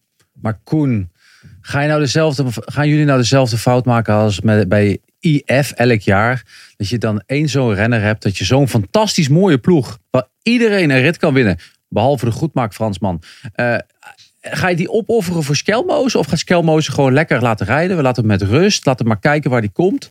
Ja, nee, ik denk, ik bedoel, we gaan er niet vanuit dat Skelmoos eh, straks aan de leiding staat en dat we een gele trui moeten verdedigen. En ja, hoeveel mannen er alleen dan daar nodig? heen? Daar gaat hij zelf wel vanuit. Kan trouwens. wel. kan wel, hè? Het, kan- het kan. Ja, maar dat is hopen, alles toch? kan. Ja, maar, dat- dan hebben we sowieso ook een sterke ploeg om daarbij te steunen Ja. als dat mogelijk is. Maar anders, ja, dan heeft hij natuurlijk ook niet heel erg veel steun nodig. Ja, als er één iemand bij hem zit die een keer een bidonnetje kan halen in de bergen, dan is het natuurlijk ook al wel heel erg mooi. Hm. En dan hebben we nog genoeg mannen die ritten kunnen winnen. Want deze, ja, want deze ploeg, als je dit kijkt, je kunt bijna elke etappe winnen, toch? Dat denk ik wel, ja. En, maar dat gaat toch niet samen met een klassement rijden. Als je, echt, als je echt zegt, we gaan voor een klassement. Nou ja, als je een eh, renner als Vingegaard hebt, eh, dan, eh, of Pogacar, dan niet. Want die, hebben, die moet je gewoon echt ondersteunen van begin tot einde overal bij zitten. En natuurlijk gaan we Skelmozen ondersteunen en gaan we zorgen dat hij nooit iets tekort komt. Maar ik denk wel dat het een ander niveau van steun is. Dat, je, dat de beste renner mee kan in een kopgroep. Ik denk niet dat de hele ploeg in het eh, peloton moet blijven zitten om maar bij, in de buurt van Skelmozen te zitten. Maar En stel dat, je een, stel dat je een lastige finale hebt, hè, waar eh Mes Pedersen kan winnen. Dan heb je Kiers en Stuiven toch nodig om bij Pedersen te zijn in plaats van Skelmozen. Terwijl daar Skelmozen misschien de meeste hulp nodig heeft op zo'n dag. Ja, maar ja, dan hebben we ook nog Quinn Simmons. En eh, ik denk dat die dan ook nog heel goed zou, werk zou kunnen doen voor Skelmozen. Dus Ah. ja, ik denk dat we wat dat betreft wel opties hebben hoor. Ja, maar algemeen als je naar deze ploeg kijkt. En, en natuurlijk, je moet ook niet alles prijsgeven. Maar jullie gaan voor ritten. En je hoopt dat Skelmozen ergens boven komt drijven. En dat hij eh, op een gegeven moment dat er besloten wordt van oké, mooi, we gaan een leuk klassement rijden. Ja, dat zou natuurlijk een ideaal scenario zijn. Want jullie hebben echt, ik zou het. Ik, A, ik vind het jammer voor Skelmozen. En ik hoop dat hij de eerste rit ga- gaat kunnen winnen. Want ik denk dat hij daar mee kan doen. En dat hij dan toch iets minder kijkt naar het klassement. En, eh, maar eigenlijk hoop ik juist met een ploeg zoals die nu staat bij jullie. Dat, dat hij elke dag feest gaat maken. Gewoon koers gaan maken. Gewoon rammen. Gewoon. Nou ja, ik, ik denk echt dat ik elke renner kan eigenlijk ritten winnen op Galopena. Maar er zijn ook nog Toch? andere Ja, mannen. nee. Ja, maar er zijn ook nog andere mannen, Bobby, die kunnen winnen. Dus er zijn ook nog andere renners. En bedoel, je kan Maar alles die op- strijd wil je. Ja, die strijd wil je. En daar kan hij toch ook wel. Ik bedoel, hij hoeft toch niet. Bedoel, het is geen Pogacar die, de- waarvan we zeker weten dat hij dat hij podium gaat rijden. eh, 100% zeker. Bij Skiel Moses zou het mooi meegenomen zijn. En kan je hem Ja. ondersteunen. Het Ja, maar het niet- komt er gewoon op neer, Jan, dat, dat eh, Bobby en ik liever een uh, Kemna zien die aanvalt dan een Kemna die negende wordt in de Giro. En hetzelfde gaat voor Precies. Skelmozen. Maar ik Toch? denk dat je Ja. Kemna en Skjelmoos niet moet veranderen. Bedoel, eh, Kemna is van een aanvaller van in het begin. eh, Ik wil geen klassement rijden. Is hij een aanvaller geworden. En nu denkt hij van ik ga het nog een keer proberen. Mijn allerlaatste keer. Maar Skjelmoos heeft al een keer een Giro gereden. Die viel een beetje tegen. Hij heeft nu een super voorjaar gehad. Ja, kijk maar hoe ver die komt. Oké, hij is jong. Maar bedoel, en hij kan ook, gewoon, hij kan ook nog gewoon een rit winnen natuurlijk. Hè? Ik bedoel, eh, hij kan ook in het weekend gewoon in het geel rijden. Het is Ja, natuurlijk gewoon het is een toprenner, dat zeker. Ik zou het zeker doen. Laten we Skelmozen even vergeten, jongens. Alle Nou, truien. niet- zou ik niet doen. Nou, nee, nee, nee, nee, we gaan hem niet vergeten. We gaan, eh, scorrito-polletje. we gaan wel doorstappen. Want eh, in principe eh, kunnen jullie natuurlijk, Koen, zo'n beetje alle truien ook winnen. Afgezien dan misschien van geel. Maar de bolletjestrui zie ik mensen voor. Ik zie voor dat groen zie ik mensen. Is dat ook echt een doel? Nou, eh, ik, ik hoop natuurlijk dat we een hele mooie tour eh, gaan rijden. Maar ja, je kunt natuurlijk, je kunt natuurlijk ook een beetje te ver gaan. Maar ja, eh, ik, ik hoop inderdaad ook wel dat we de mogelijkheid krijgen om goed aanvallend te rijden. En dan heb je inderdaad wel kansen op dat soort truien. Ja, groen. Ik denk eh, dat het heel eh, lastig zal worden. Dan, dat er eigenlijk maar één echte kandidaat voor het groen is. Maar ja, wie weet dat, dat Mes toch echt ook weer in die bergritten zo nog onder, met de tussensprintjes punten kan pakken. Ja, je weet het niet. En ja, als je aanvallend rijdt, dan, eh, dan is inderdaad ook een Ah. bolletrui wel mogelijk. Maar ja, goed, ik denk niet dat, eh, dat we dat heel erg vooraan in ons hoofd hebben. Het is geen focus, maar alles is mogelijk dit jaar. Dat hoor ik wel. Ja. Maar ook, Ja, op, op Mes, ook op Mes Pedersen, hè? Eh, hoe, hoe combineert hij? eh, eh, nou, we, we weten hoe dat in de Giro is verlopen, zeg maar, dan naar de Tour. Maar na de Tour hebben we een WK dit jaar. Ja. Hoe, hoe, hoe- mag je, mag, kan je daar iets over zeggen, hoe hij daarnaar kijkt? Ja, of ik kijkt hij niet over de Tour heen? Nou, ik, ik, eh, ik, ik ken hem redelijk goed. En eh, ik denk dat het parcours van het WK hem ook eh, super, eh, super bij hem past. En hopelijk eh, ook nog eens eh, dat het wat weer wat beter bij hem past dan eh, waarschijnlijk in de Tour. Dus ik denk dat hij daar ook wel eh, naar kijkt. Leuk. En dus lekker die goede trui laten lopen, toch? Ook, of, ik, bedoel, ik zou me daar helemaal niet in gaan mixen eigenlijk. Ja, ook. maar ja, laat, hij, hij heeft al een. Eh, ja, aan de ene kant heeft hij natuurlijk al eh, zo'n regenboogtrui. En zomaar een groen laat je ook niet zomaar lopen. Je wil zo snel mogelijk een ander truitje aan dan dat het van Little trekt hoor. Dat weet jij nog Al- niet, Bobby. Nee, dat, komt, deze week gaan we daar meer van zien. Er zijn eh, heel veel kansen in ieder geval voor jullie ploeg. Dus dat wordt een heerlijke tour. We gaan het eh, hebben ook over de favorieten en de schaduwfavorieten. Voor zover de schaduwfavorieten zijn, laten we maar gewoon beginnen bij de echt grote namen. Vingegaard bij Jumbo-Visma, Pogacar bij UAE. We gaan even die teams ook een klein beetje tegenover elkaar zetten. Jeroen, we beginnen maar even bij het begin. Geen Roglic dit jaar. Vorig jaar was dat echt nog een wapen. Hè? Of Roglic of Vingegaard. Konden ze het mooi uitspelen. Dit jaar wat minder wapens wat dat betreft dan. Ja, ze hebben maar, maar hè, tussen aanhalingstekens één wapen om de Tour te winnen. Daarover gaat het. Hè. Dat Mhm. is eh Vingegaard. En dat is natuurlijk een verandering. Ik zal niet zeggen een vermindering, want ik, ik noem het een verandering. Want ja, Vingegaard heeft ook wel getoond dat hij het man tegen man ook wel kan. eh, tegen Pogacar, vind ik, in die Tour. Ehm, op Hotakam bijvoorbeeld. Ja, daar eh, had hij wel van aard. Maar goed, hij, reed, hij reed ook gewoon in het wiel. Pogacar bij wijze van spreken. Hij werd gelost. Dus ik, ik denk dat Vingegaard Pogacar ook man tegen man kan kloppen. Daar ben ik van mening van. En ehm, het is natuurlijk wel een vermindering eh, qua kansen eh, om, om mee te gaan spelen. Dat wel. Maar ik vind nog altijd Jumbo-Visma ja, de beste ploeg die er is in de Tour. Ja, dat, dat sowieso. Ja, want ook die, vind geen Nederla- enorme verzwakking. Zeker niet. ook die Nederlanders, Bobby, Kelderman van Baarle, dat zien je goed in vorm. of eh, zo, vlak voor de Tour. Nou, van Baarle hebben we natuurlijk dit weekend gezien dat hij serieus in vorm is. eh, met het Nederlands kampioenschap. En ook fijn om dat rood-wit-blauw in eh, de Tour te hebben. Kelderman heeft, Kelderman heeft gewoon een goede ehm, ronde van Zwitserland eh, gereden. Ehm, ja, en als Kelmoos eh, top 7 kan rijden, dan ja, zit hij Kan Kelderman top 10 het mee. Ja, nee, ja, ja. nee, maar uite- uiteindelijk is het wel interessant om, om te ontleden zowel wat Jumbo-Visma qua tactiek gaat doen aan wat UAE gaat doen. En er is dit jaar, naar mijn mening, iets minder kracht eh, bergop bij Jumbo-Visma ten opzichte van vorig jaar. Maar daar leent het parcours. We hebben net het parcours geanalyseerd. Leent het parcours zichzelf ook al op. Hè? En dan een aantal van die wedstrijden die vlakke aanloop hebben en Puy Dome op. Ja, heb je ook niet veel kracht de berg op nodig. Dus ik denk dat hun heel verstandig hebben gekeken naar het feit van wat hebben we echt nodig.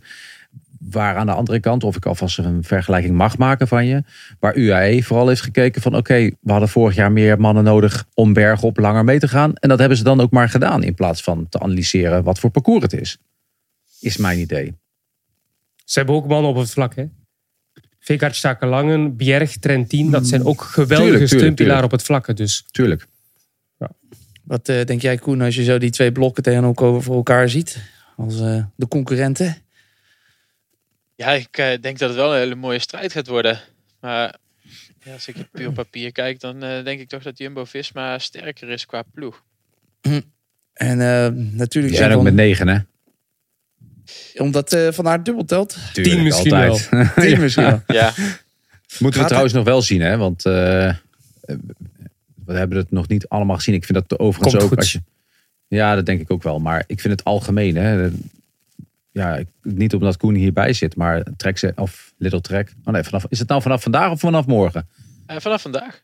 Oh shit, dus ik moet vanaf vandaag Little Trek zetten. Dus vanaf Ja. vandaag Little Trek is wel een ploeg die al heeft bewezen dat ze gewoon goed zijn. Ehm, maar wat ik eigenlijk bijvoorbeeld vind bij heel veel renners buiten de twee grote, vind ik eigenlijk dat niemand het heeft laten zien dat ze goed zijn. En dat ze volgens mij echt een risico nemen Mm. en echt ergens naartoe pieken wat in de Tour de France moet komen. En dat er echt wordt gegokt op die derde plek. Mm. En Van Aert die zal dan toch wel weer, eh, Jan, echt in een tien Sam moeten gaan rijden. Maar dat denk ik dat hij zich daar wel voor wil opofferen als hij ook zijn eigen kansjes krijgt.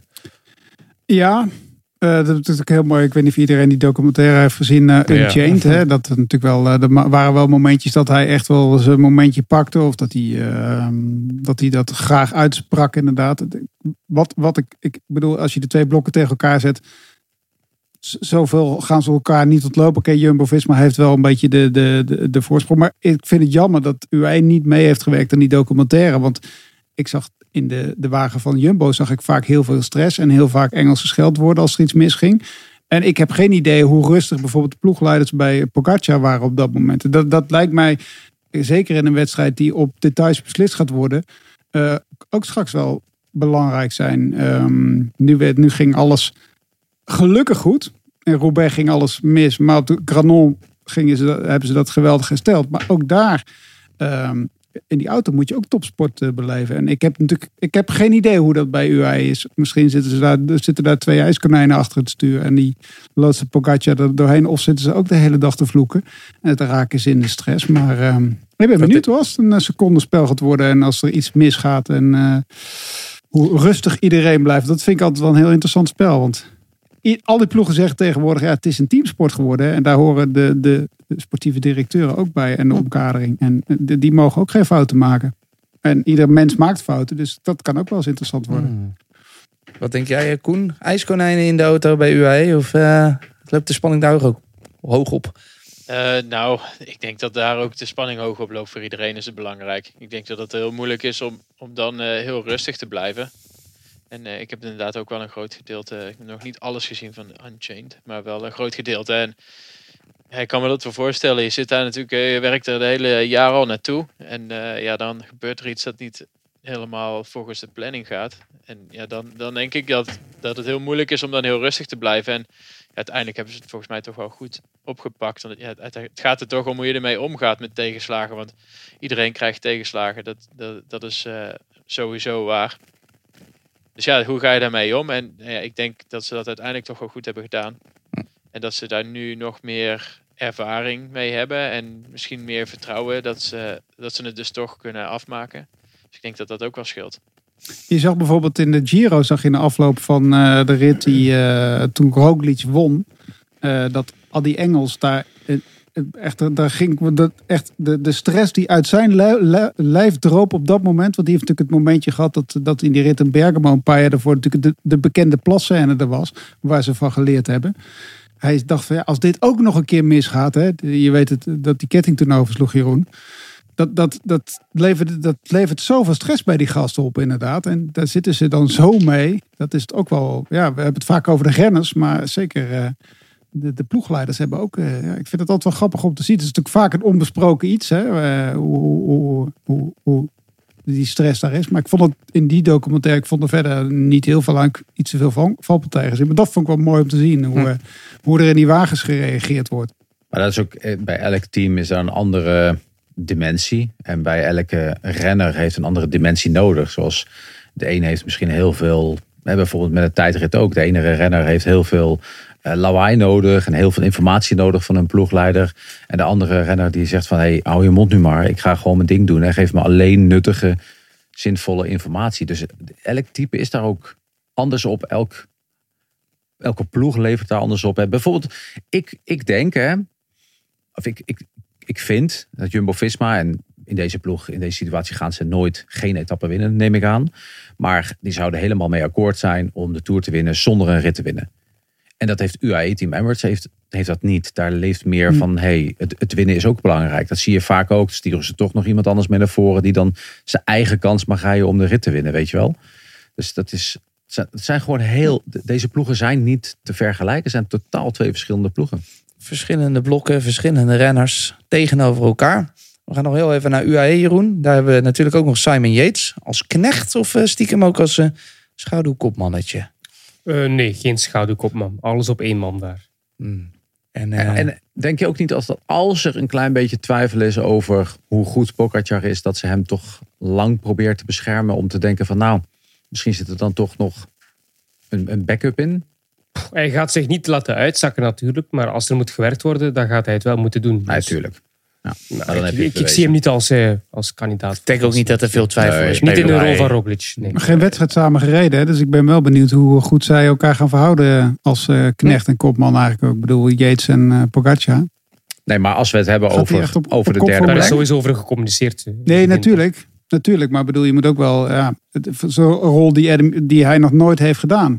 Ook Yates, Nee, maar- toch wel maar- in één keer anders, toch? Nee, hij maar wordt ook, betaald. Maar, Maar ook als we het hebben over de derde plek. En daar zullen we misschien straks nog eventjes over hebben. Want ik verwacht zeker dat we het podium moeten gaan voorspellen namelijk.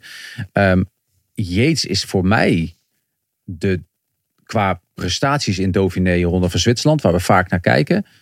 Is dat de best presterende van de rest achter deze twee. En Pogacar heb ik niet eens gezien.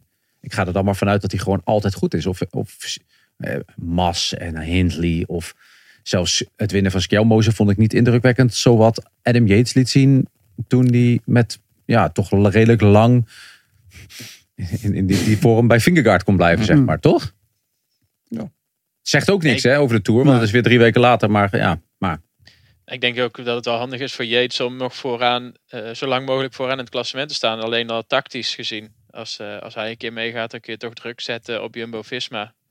Dus ik denk dat dat, eh, dat dat ook nog wel meespeelt. Dat ze dat wel eh, gaan willen proberen uitspelen. En eh, Jan, tot slot, Soler. Is dat een man waar we ze op kunnen bouwen bij UAE? Of is dat juist iemand Ah, die eh, wel, ja. lekker vooruit ja, moet ja, sturen? goed. Ja, ik, ik heb, nou, ja, nee, dat ook zo iemand die er misschien ook wel langer bij kan houden. Ehm, ehm, kijk, ik, ik zie hier geen, ik zie hier geen Indiërs treintje of zo bij UAE met deze renners. Ja, Bjerg zou dat heel goed kunnen inderdaad, maar Yates ziet daar ook niet zo snel in. Eh, ehm, ja, het zijn wel allemaal, het zijn wel allemaal klasbakken, maar ik zou ze inderdaad zo lang mogelijk binnenboord houden. En in het geval van Soler kan dat nog wel eens lastig zijn. ja, Soler, daar kun je Ja. niet op bouwen. Nee, niet ik, ik, ben, ik ben echt wel een Soler-fan, omdat ik hem Ja. gewoon leuk vind. Maar eh, So- Soler, die is er en die doet, die doet superveel werk. En hij rijdt supergoed op de momenten dat je het niet nodig hebt. Mhm. En als je het wel nodig hebt, dan is hij. dan- Die dag is hij dan net, net niet goed genoeg, weet je wel. Maar ik denk dat hij wel, dat, dat, dat hij wel een klik heeft met Pogacar. Want het zijn wel soortgelijke, nou niet soortgelijke renners. Maar dat ze wel met elkaar kunnen lol kunnen hebben. Ik denk dat het wel goed voor de groep is. Ja, omdat ze elkaar niet kunnen verstaan. Hij lag Kortom, toch overal om. kortom twee verschillende teams met eh, verschillende kanshebbers. Waarschijnlijk gaat het wel één van die twee mannen worden. Het wordt een prachtig gevecht tussen die teams en tussen de twee kopmannen. Toch, Jeroen, moeten we het even heel snel hebben over wat andere kanshebbers. En dan beginnen we Ja. natuurlijk bij niemand minder dan Mico Landa. Ah, Wordt het een derde of een vierde plek voor Landa? Je koopt naar mij als Landa ter sprake komt. Dat is altijd Tuurlijk. vriendelijk van je, Sander. Eh, maar hij gaat vierde worden. Hè. Ja, het staat in de Ja. sterren geschreven. Hij gaat vierde worden. Ja, ja. We hebben maar één tijdrit. En het is er nog eens een halve klimtijdrit. Maar toch gaat hij vierde worden. Het is, eh, en dat zo- mag je heel tevreden naar huis van jou ook. Eh, als hij een rit wint, wel ja. Als hij een rit wint in, in zijn basklant, eh, dan ga ik al jodelend de straat op in drongen. Zou Bobby, stoppen als ik jou aan hem was. Toch? Als hij een rit wint. Gewoon stoppen, ja. Gewoon stoppen. Meteen, in, in, het geel, in het geel gewoon Ja, in stoppen. het geel stoppen. Gewoon kappen. Het is goed, ik ben thuis.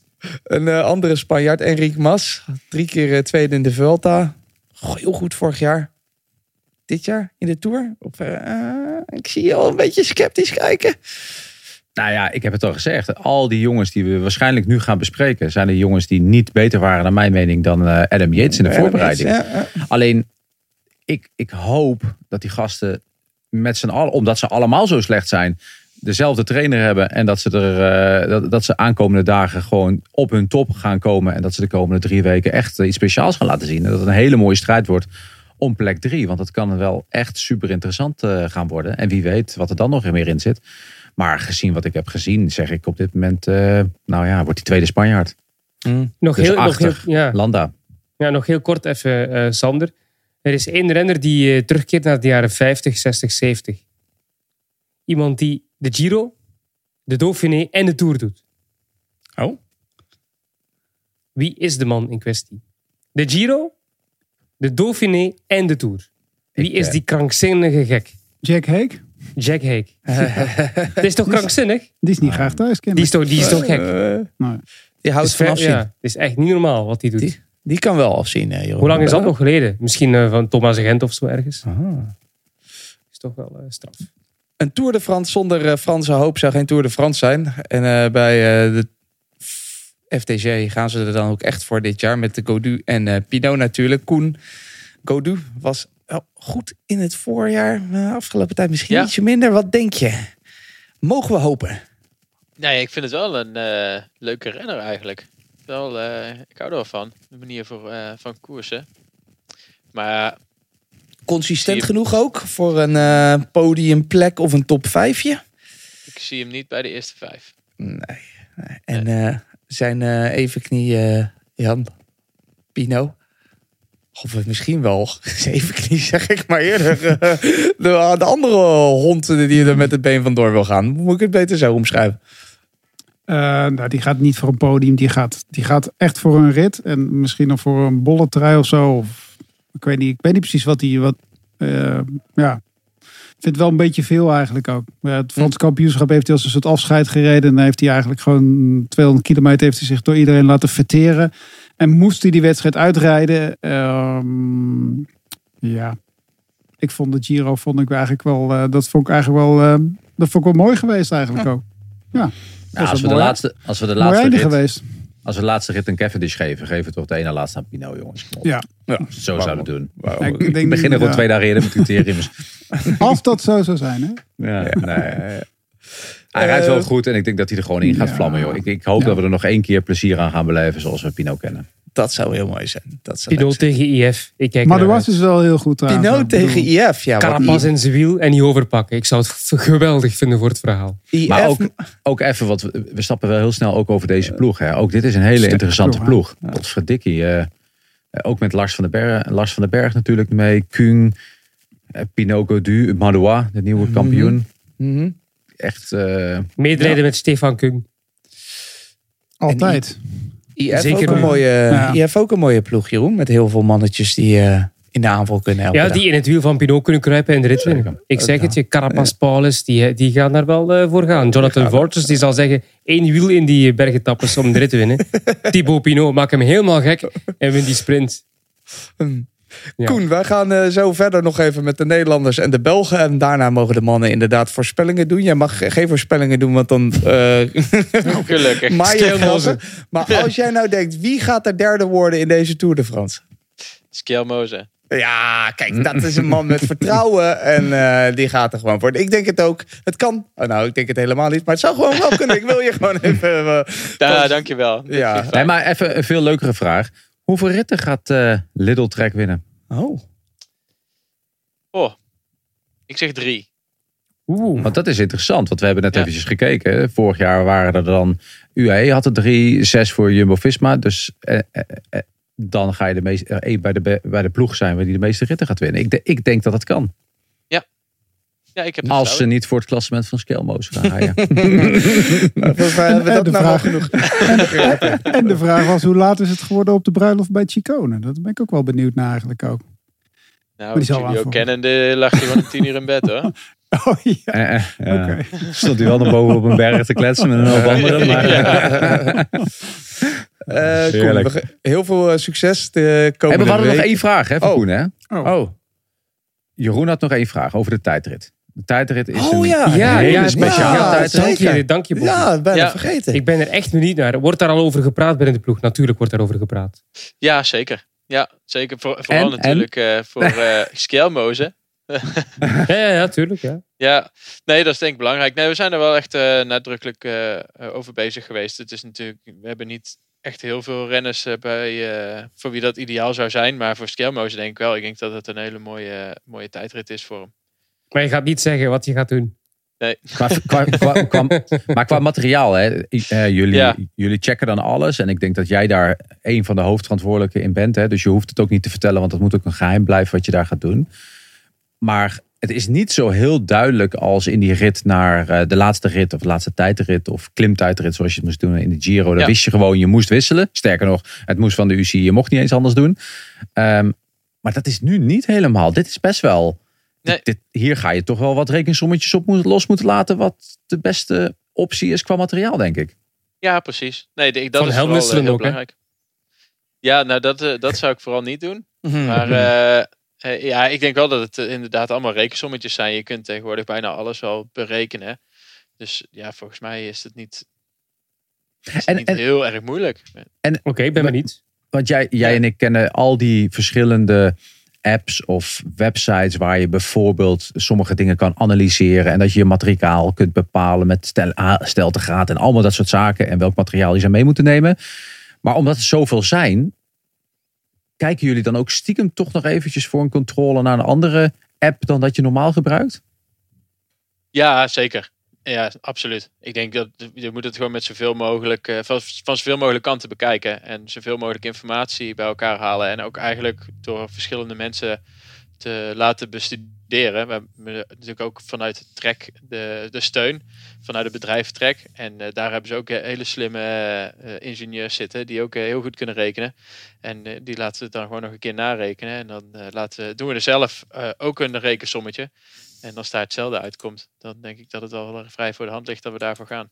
En is dat dan ook voor jou, want we hadden het net even over stressmomenten. Ik kan me best voorstellen dat, dat dit een van de belangrijkste momenten is op materiaalgebied. Hier kan je echt het verschil maken.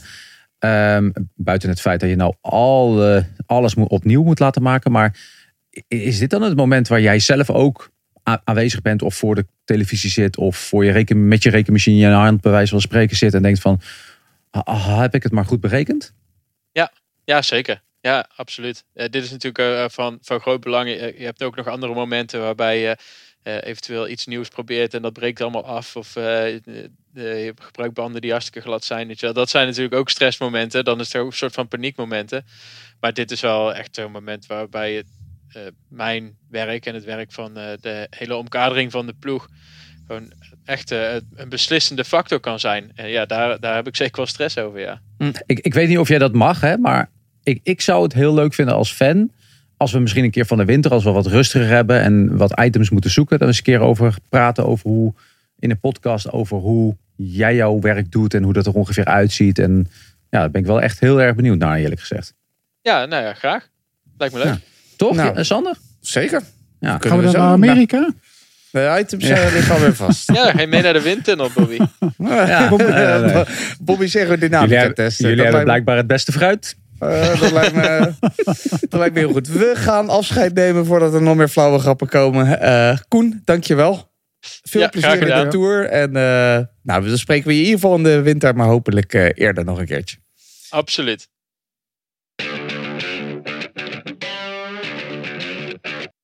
Wij gaan nog de Nederlanders en de Belgen doornemen. Dat doen we even lekker snel. Hoewel er veel Nederlanders en Belgen aan de start staan. Natuurlijk uh, Mathieu van der Poel. Hij is na een uh, slopend NK, NK klaar voor Frankrijk. Heel veel eh, ritten, denk ik, Jan, die hem liggen. Ja, de ritten die jij vlak noemt, die, die liggen die allemaal. Zijn. Ja, ja. ja, En het eerste weekend. Zo, um, denk je dat hij een gooi gaat doen na meteen naar het geel? Dat denk ik wel, ja. ja. Is... Maar dat zijn er wel meer. Ja, ligt het, gaan doen. ligt het ook echt in de lijn der verwachtingen dat dat een goede mogelijkheid vind ja, je? Ja, kijk, ik denk dat hij dat sowieso in de eerste week moet scoren ook. Uh, want daarna wordt het ook wel pittig ook. En ik bedoel, uh, het, is geen, het is geen grote ronde renner, uh, Mathieu van der Poel. Maar het is wel iemand die over drie weken goed komt. Maar ik denk dat hij op, in de eerste week op zijn frist is. Ja. Dus dat hij dat, ja, dat hij kan heersen ook in die eerste week. Of hij dat drie weken gaat doen, dat weet ik niet. Maar ik zou uh, meteen gaan scoren als ik hem was. Over drie weken gesproken, gaat hij hem uitrijden dit jaar, Jeroen, of niet? Ja, ja. als hij niet valt tenminste. Als hij uh, hm. geen ziektes kent, dan rijdt hij de Tour uit. Dat was toch hetgeen hij ook al in het begin van het seizoen zei, dat hij de, toch eens echt graag in Parijs wil aankomen. Dat is hem nog niet gelukt. De eerste keer was het omdat hij het zo koos richting Tokio. De tweede keer was het omdat hij niet goed genoeg was. En nu wil hij het toch echt doen. Dus uh, ja. Hij weet het niet hè, of hij een grote rondecoureur is, want heeft het eigenlijk maar één keer gedaan in de Giro drie weken. Dus het is moeilijk om nu al te voorspellen wat hij, wat hij nog kan in die derde week. Nee, maar ik zou, bedoel, ik zou het risico niet nemen. Ik zou bedoel, uh, ik zou Als hij kan, gaat hij, niet, gaat hij het risico niet nemen. Nee, maar gaat in de eerste week gaat hij echt wel, gaat hij echt vol in. Gaat hij er vol in. Huishouden. Ja, We gaan uh, twee Nederlandse sprinters doornemen, Bobby. Fabio Jacobsen, Dylan Groenewegen. Vorig jaar uh, won Fabio pas de eerste rit in de Tour. Nu zijn dit zijn laatste maanden bij Sudok. We weten nog niet eens zeker op dit moment van opnemen of hij meegaat. Maar uh, kunnen we daar wel een beetje van uitgaan, toch? Dat, uh, dat denk ik wel, ja. ja. Uh, Fabio Jacobs lijkt me een redelijke zekerheid binnen de ploeg van uh, Soudal Quickstep. De ene ploeg die op dit moment nog niet is duidelijk of totaal is bevestigd. En we weten van de Giro ook dat het nog heel veel kan veranderen tot aan de laatste dag. Um, maar ja, Fabio Jacobs heeft volgens mij laten zien dat hij in orde is, op zijn uh, niveau is. En uh, lijkt mij een, uh, een zekerheidje op een, op een rit. Groenewegen ook? Groenewegen exact hetzelfde verhaal. Ehm, zijn elkaar niet tegengekomen, gaan elkaar nu weer op het hoogste moment weer, eh, weer tegenkomen. En ehm, ja, ook hij is dus een van die mannen dat, dat- waar ik ook naar uitkijk. Waar jij zegt van ja, die laatste dagen gaan, gaan, gaan, gaan rustig aan en gaat eh, de Tour een beetje doodbloeden. Maar daar gaan we juist kijken naar eh, Nederland en België. Ook eh, met lead-outs, want we hebben ook nog eh, Kees Bol in dienst van Cavendish, Danny van Poppel als lead-out voor Meus. Want Jeroen Bennett gaat niet mee naar Bora. Bora. Dat is toch wel een beetje gek. Verrassend. Eh, voor mij is dat niet verrassend. Oh, waarom niet? Hij rijdt al de hele jaar achteruit, toch? Ja. Hij is echt niet goed bezig al heel het seizoen. Dus Voor mij Patrick was de het- Verver ook niet. Nee, dus die heeft weer al zijn gelijk gekregen door hem te verkopen. Eh, want hij heeft nog niet echt gepresteerd. Oké, vorig jaar tweede in de Vuelta, maar die verdient veel meer eh, geld bedoel ik dan, dan wat hij heeft laten zien bij Bora Hansgrohe het afgelopen anderhalve jaar. En hij gaat blijkbaar volgend jaar naar Tudor Pro Cycling las ik, de ploeg van Cancellara. Dus eh, dat is wel een mooie transfer voor, eh, voor die ploeg. Want het is Nou. wel een renner die op iets lager niveau, minder druk, toch wel kan presteren. Minder aandacht, dat vooral. Ehm, maar ik vind, ja, ik vind vooral ehm mooie kans wel voor Jordi Meus om zich te bewijzen op het hoogste niveau. Al heeft hij heel veel al gekoerst dit jaar. Dus eh, dat, dat, dat, dat is wel het geval. Maar eh, hij heeft wel een hele goede lead-out, zoals eh, wij al maanden aankondigen. Ik weet wel niet hoe die band is tussen Van Poppel en Meus. Die hebben waarschijnlijk, ik weet niet Jan of jij dat weet, hebben die al vaak samen gekoerst? Ik denk het niet, hè? Ik heb het niet, niet, Nee, hè? op- nee, niet meteen. ik vond Meus ook nog niet heel overtuigend dit jaar. Ook, bedoel, als je Ja, moet het altijd goed- alleen doen, hè? Ja, maar als je Bennett niet goed vond, dan Meus ook niet heel spetterend. Nee, maar, ja, het- maar het ook is- wel wat minder natuurlijk, hè? Ja, en De wat- verwachtingen zijn lager. Ja, en de ritten zijn wel wat lastiger ook. Als we het dan over die vlakke ritten van Sander hebben, die kan Meus denk ik wat beter aan dan Bennett. Dus eh, wat Hmm. dat betreft eh, snap ik, die keuze snap ik wel.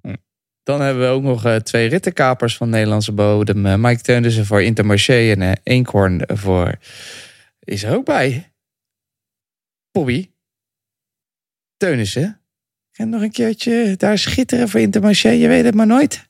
Ik hoop het. Ik denk dat eh, deze twee mannen die je nu noemt, hè, Mike Teunissen en eh, voor eh Intermarché Circus Wanti en voor eh Soudal, eh, of nee, Het is Lotto, later, Bobby. ja, precies, zo begint het alweer. Destiny. Maar voor Lotto Destiny, eh Eenkhoorn, dat waren de twee mannen die eigenlijk met een beetje geluk, of wat meer geluk, eh, mee hadden kunnen zitten voor in de finale van het Nederlands kampioenschap. Ja, dus ze ja. zijn goed. Ehm, eh, allebei een kans, waarbij ik bij Eenkhoorn misschien net iets meer het gevoel heeft dat hij de kans ook gaat krijgen. Ten opzichte van bij Intermarché met Mike Teunissen. Want Mike Teunissen zal toch vooral ook voor eh Bini Grimay eh, moeten gaan, gaan werken. Dus in dat opzicht zou ik mijn geld meer op Pascal Eenkhoorn zeggen. Maar dat moet ik ook met een mes op mijn keel van mijn zoon. Dus eh, Eh, lastig, lastig. In ieder geval eh, veel Nederlanders eh, die er meedoen om de prijzen. Maar Jeroen, dat is bij de Belgen ook zo. Jullie hebben een hele hoop Belgen in de Tour. Je hebt ze vastgeteld. Eh, ja, geteld. Er is nog één ploeg die zijn selectie moet doorgeven. We zijn hier al uren aan het wachten. Uh, Soudal Quickstep, die hebben hun, hun acht namen, negen was vroeger, hun acht namen nog niet op papier gezet. Al de anderen wel. Dus we moeten nog afwachten hoeveel Belgen daar zullen zijn. Maar ik schat een achttiental. Dus acht, dat is alleen Frankrijk doet beter. Mm. Met Eh. het aantal renners.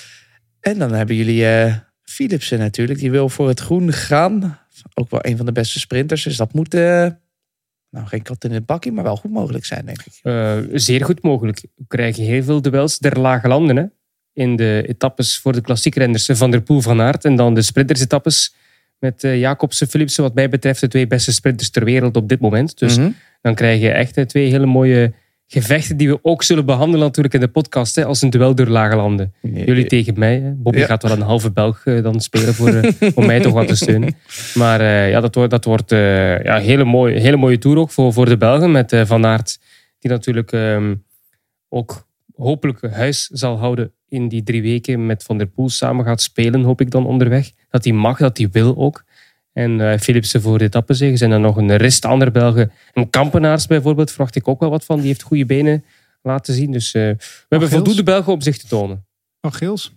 Ja, Oh, ja. Interessante En. Meus hebben we ook net vernoemd. Dylan Teuns, die geen denderend seizoen heeft, maar normaal de Tour had het wel goed is. Ja, Zwitserland was hij onzichtbaar, maar wel top 10. Dus dat kan natuurlijk ook altijd nog, dat hij daar een etappe gaat meepikken. Ik verwacht het niet echt. Op zijn trein vind ik dat er andere jongens beter Mm. presteren. Mhm. Maar eh, hij mag me verrassen. Dus we hebben wel een paar vrijbuiters ook wel. Ehm, dus ja, wat me wel opvalt, eh, niemand bij Intermarché uit, uit mijn land die de Tour start. Geen enkele Belg bij Intermarché. Dat is bijzonder. Hoeveel Bel- Walen? Belg. Ik zei geen enkel Belg, ik zei geen Vlaming. Dus, eh, eh, tot opvallend, slot en de- geen Grek, hè, maar wel Olly Ja. Tot en slot, Stan de Wulf. tot slot over de Belgen. Ik heb Quinten Hermans altijd eh, hoog zitten voor mijn poeltjes. Is dat Eh, ook ik weer zou nog... het niet doen. Nee? Nee, ik denk dat hij vooral eh, in etappes gaat mee zijn, ook om eh, Van der Poel te ondersteunen in die vluchtersritten, waar je toch echt ook, bijvoorbeeld het Nederlands kampioenschap, Van der Poel had daar een type Hermans heel goed kunnen gebruiken. Dat soort ritten heb je in de Tour natuurlijk ook. Hè, dat iedereen naar Van der Poel gaat kijken in die vlucht. Als het, als het een overgangsetappe is met 15, 20 man. En hij zit daar, dan gaat iedereen naar hem kijken. En als je dan een Hermans hebt, of een Søren dus dat zijn jongens die hem echt op die manier wel goed kunnen ondersteunen. Maar misschien ook kunnen van profiteren. Ook een lekker ploegje hoor, Alpes in de Koning. Zeker. Echt wel eh, heel duidelijk inderdaad de, de, de twee doelen die ze hebben. De, de sprint en die tussenetappes en daar ook lekker op focussen. En de rest lekker in de bus. En eh Nederlander nog, hè, die eh, daar start. Net bekend geworden natuurlijk ook. Sinkeldam. Maar ik- Vind ik ook wel verrassend eigenlijk ook. Had ik niet verwacht. Hm. Al een paar ritten pas in Italië uitgestapt. En de Tour. Dus ik, ik weet niet dat hij vaak de Tour heeft gereden, Sinkeldam. Maar hij moet nog wat stapjes maken. Hè? Ik, eh, het Absoluut. was, twee jaar geleden was het misschien de, de beste lead-out man die er was voor. En zeker voor Demar een paar keer echt wel fantastische dingen laten zien. Maar hij heeft denk ik toch wel wat meer te lijden gehad. eh, stress gehad. Rondom het eh BNB-debakel. eh, als je dat vergelijkt met bijvoorbeeld een Kees Bol. Hm. En zo zie je maar dat je er totaal anders mee om kan gaan. En ook nog niet te veel ehm, eh, consequenties aan verbinden. Dat kan volgend jaar allemaal weer totaal anders zijn van Sinkeldam. Veel Nederlanders, veel Belgen. Veel reden hopelijk voor ons om te juichen tijdens deze tour. En Jeroen, we gaan het inderdaad bijhouden in kop over kop de rest van de tour. Tot slot, jullie favoriete onderdeel. Het eh, noodzakelijke rondje voorspellingen. Het is eh, heel close dit jaar, zelfs voor de bookies. Fingergaard eh, staat op eh, 2,1, Pogacar op 2,2. Dat betekent dat je 2,2 euro krijgt. Of 2,1 euro. Het is dus... eh, Bij welke kijk jij? Want dat is, eh, ik heb, dit heb ik niet- Mag niet de reclame maken. Geen reclames, geen reclames hier. Maar eh, het is, is het zo? Want in de- als het bij het begin van de podcast wordt, dan is het anders. Ja, dat is wel zo. Ja, ik heb deze niet zelf Nee, maar het- het Ik heb het niet ook- zelf opgezocht, eh, Bobby, Het ligt- dus ik weet het niet. Het ligt ook heel aan wat voor platform je kijkt. Hè? Want eh, Ja. hier valt dus geld te verdienen. Want ik heb andere platformen gezien waar minder geld van nou, dat kunnen we al helemaal niet doen met die andere platformen. Dat begrijp je ook Zullen wel. Ja, dat is- dat is het vooral. Oh ja, dat is het. eh. Laten we maar gewoon beginnen met jullie top 3. Want dat is, vind ik veel interessanter nog. Jeroen. Ja, ik moet beginnen. Ja. Ehm, kijk, de eerste twee zal iedereen waarschijnlijk op dezelfde manier hebben ingevuld. Ah, misschien krijg ik hier verrassingen. Maar ik had eigenlijk eerst als nummer drie iemand anders opgeschreven. Maar toen zag ik dat hij derde stond in die eh, noteringen van, eh, van de goksites. En Ah. dat vond ik ook maar saai. Dan had ik ze alle drie. Kijk jij daarna? Nee. Eh, het stond in de Google Drive, Bobby. Eh, wij bereiden onze podcast heel goed voor. Heel goed, heel goed. Dus het stond erin en ik zag, ja, maar na- nadat ik mijn top 3 had opgeschreven, zag ik dat Hindley ook als nummer 3 stond. Toen dacht ik van, dat is best saai om dan de top 3 te kiezen van de boekies ook. Dus eh, ik, ik ga toch voor iemand die heel weinig renders, heel weinig mensen hebben opgeschreven, ehm, heel weinig eh, waarnemers hebben genoemd. We hebben hem vandaag ook niet vernoemd. Zijn achternaam wel, maar zijn voornaam niet. Ehm, heel weinig over gesproken. Iemand die mijn harten heeft veroverd in de Giro van eh, 2018. Simon Yates. Ah. Dat is mijn nummer drie. Ehm, en eh, mijn nummer één is eh Vingegaard. En nummer twee, Pogacar. Ik eh, durf het niet te vragen, Bobby, maar... En je- Landa vier. Ja, uiteraard. Uiteraard. Heb jij eh, een andere top 3 dan dit? Ehm, ja, Ja. Ik, ehm, ik, ik, ik, ik, ik laat het echt. Ik heb, moet ik beginnen met 1 en 2, want dat lijkt me heel snel duidelijk. Ja, maar wie heb je op één dan? Van Ik deze? heb Pogacar op 1. Ja. Oké. En ehm, zoals eh, onze Deense eh, grootheid het daarnet zei, Vinjego op 2. Dan zou de wielerrevue nu wel weer een verhaal vertellen dat ik weer een nieuwe renner bedenk. Maar dat is eh, dan weer helemaal terzijde. Maar ik ga echt voor het grote geld voor het podium. Want ja, je kunt natuurlijk een beetje gokken zoals dat gaat. Maar ik ga voor een, een Franse man op de derde plek. Mogen jullie één keer, één keer raden? Ja, als je Goudu speelt, is het vrij saai. Nee, Bardet. Dat is mooi. Potverdorie. Ja? Ah, we gaan geld verdienen, Jan. ik ga voor Bardet, jongens. Nee, ik, ik gun het hem. Ehm, hij heeft ze ook gewoon leuk gekoerst in de voorbereidingswedstrijden. Hij kreeg het gat net niet, maar gaat toch een stapje zetten. Heeft vandaag twee keer per de Doom echt met een hele goede inspanning eh, getraind. Hij is er klaar voor. En ehm, nou, we zaten net eh, dat shirtje van Little Trek af te zeiken. Maar als er, als er echt een designer was op vakantie, dat is bij de mannen van DSM. eh, ik weet niet eens hoe je het verder uitspreekt. Maar, eh, Firmenich. Firmenich, nou ja. Daar eh, hadden ze helemaal die designer nooit op voor. Maar daar hebben ze gewoon drie bolletjes op gegooid. En daar dachten ze dat ze ermee klaar waren. Maar in dat shirt, daar gaat hij toch mee op het podium zometeen. Kan ik copy-pasten, Jan Hermsen? Ja, Bobby was zo lang, dus eh, dan... eh, ik wil... eh, ja, ja. ik, ik, ik sluit me helemaal aan. Maar Ja. waarom zie jij Pogi voor Vingegaard? Ehm, Gevoel of van wat de- je ja, vorig, vorig jaar hadden ze echt wel een wapen de- erbij, inderdaad. En ik denk dat als zonder de Granon dat Pogacar Hm. wel eh, de, de, de Tour had gewonnen. En wie heb jij? Sander. Ik denk dat Pogacar gaat winnen. Ik eh, denk eigenlijk, en dit vind ik altijd vervelend, want met Evenepoel had ik dat ook goed eh, tijdens de Giro. Toen zei ik ook, ja, er gaat iets gebeuren. Kijk, het, het- ik schat de kans toch in dat er misschien iets, iets ja, iemand kan vallen. En, Oeh, eh, dus jij iets- denkt Vingegaard aangezien jij hem nu niet vernoemt. Ja, precies, ja. ja. En Het zou wel echt heel slecht zijn voor de wedstrijd. zou heel Ja. jammer zijn, maar ja. Ik, ik Dan gaan we zagen hoor in de podcast. Ja, ik hoop echt dat klagen. het is echt te hopen dat deze twee mannen het gewoon tot de laatste dag blijven koersen. Of de ene laatste dag dan. Want En wie gaat dan- nummer drie worden, Sander? Ehm, ik ga eventjes kijken wie dat gaat. Ik ga Naar het voor- deelnemersveld. Oh, Ik- goed, goed bezig, Sander. Ik ga voor Skilmo's. Gewoon Heel omdat goed. ik het Koen de Kort gun. Koen de Kort gun. En Landa wordt ook bij mij. Slijmbal. Wat een slijmbal. man. Man, niet man, normaal. man, man. Jij wilt gewoon eens een uurtje gaan shoppen bij... eh, Ja, een paar mooie shirtjes. Een paar mooie shirtjes. De groene trui. Eén naam. Oh ja, met een kreffel maakt het niet uit hoe je eruit ziet. nee, maakt helemaal niet uit. Gewoon Eén naam eh, Bobby Traxel voor de groene trui. Eh, het groen, Philipsen.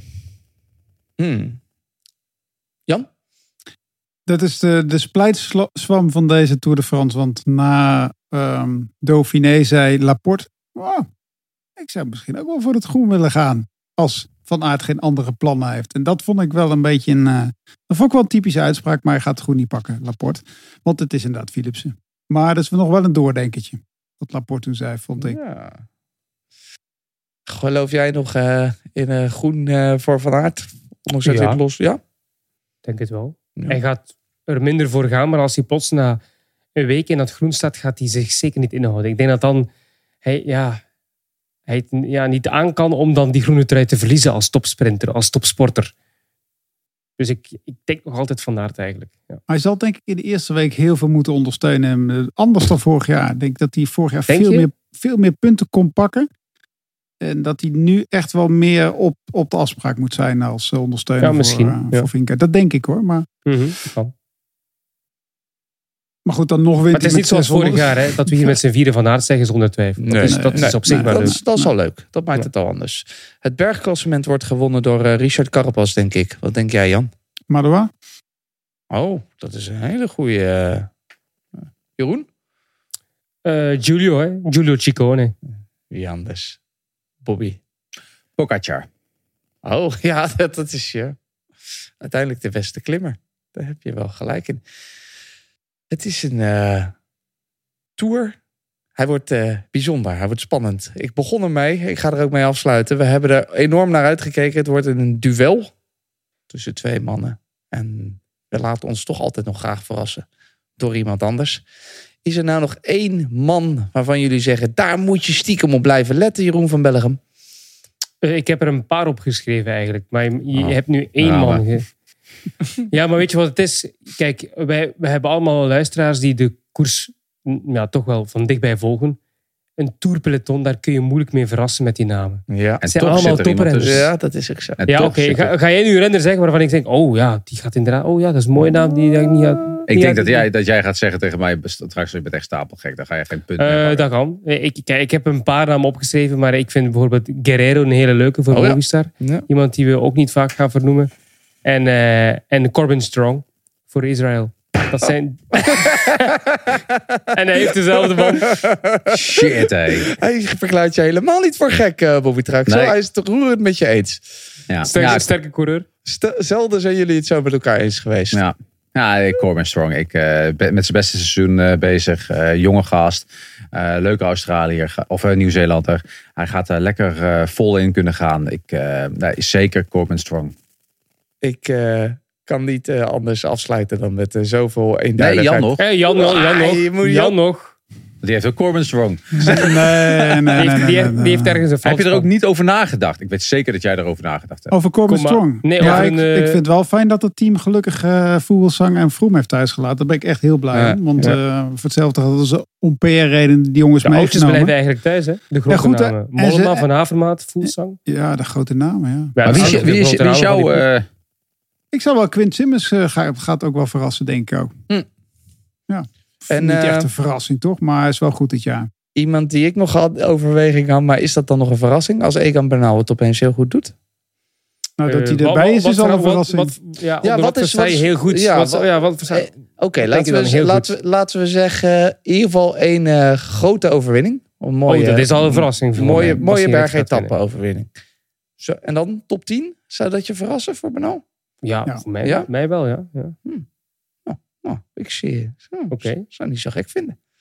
Dus uh, Vingegaard valt en Bernal wint de rit. Dat is de samenvatting van jouw prognose. Ja, dat is mijn eh, prognose. Ja. Ja, En daardoor, en daardoor en dat gebeurt in de ene laatste rit, want anders is het niet spannend. En daardoor schuift Bernal naar plek 10. Nadat er een sneeuwverschuiving is geweest in de finishplaats. En Ja, de dat meteoroloog uh, Hermes is uh, het, druk. wordt, ja. het wordt een prachtige eh, tour. Dat horen we al. En eh, om af te sluiten, Ja.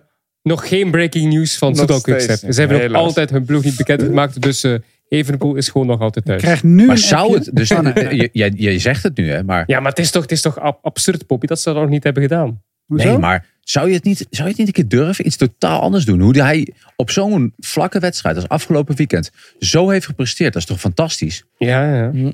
Gewoon meepakken. Ik, word er enthousiast van. Altijd Of ze, of ze pesten ons gewoon keihard. Altijd ze weten dat meepakken. iedereen het hoopt en ze pesten ons gewoon keihard. En dan gaan ze gewoon een droge, normale selectie eh, doorgeven. En hij kan, aardig, hij kan een aardig sprintje aantrekken hoor. Heeft hij het verleden ook wel gedaan voor Jacobs heeft een dus, erbij. Ik hoop het niet, eh, want we hebben nu eh, twee uur en tien minuten zitten wachten. Bijna een uur en drie kwartier volgepraat over de Tour. En anders zou alles weer de prullenbak in kunnen. Nee, omdat want hij gaat, als hij, als hij komt, gaat hij niet voor het klassement. Oh. Nee. nee. Het zou wel de verrassende naam zijn die je nog had kunnen noemen. Ja, maar als je hem niet weet, dan kun je hem ook niet noemen. Kan je hem toch? ook niet noemen? Nee, dat, maar dat is juist nou goed. Eh, jongens, Oh, ik krijg bedankt. nu een berichtje. Bedankt voor vandaag. Het was een eh, een prachtige lange aflevering. De Tour de France, hij verdient het ook. Elke dag zijn we er live van start tot finish op Eurosport 1.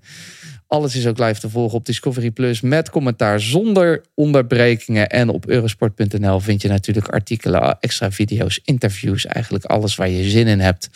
Kop over kop. Wij zijn er op de rustdagen en op de eerste dinsdag. We zijn er kortom in echt eh, vol ornaat zou je kunnen zeggen. De Tour komt eraan. Veel plezier en tot dinsdag. Deze podcast werd mede mogelijk gemaakt door bedcity.nl.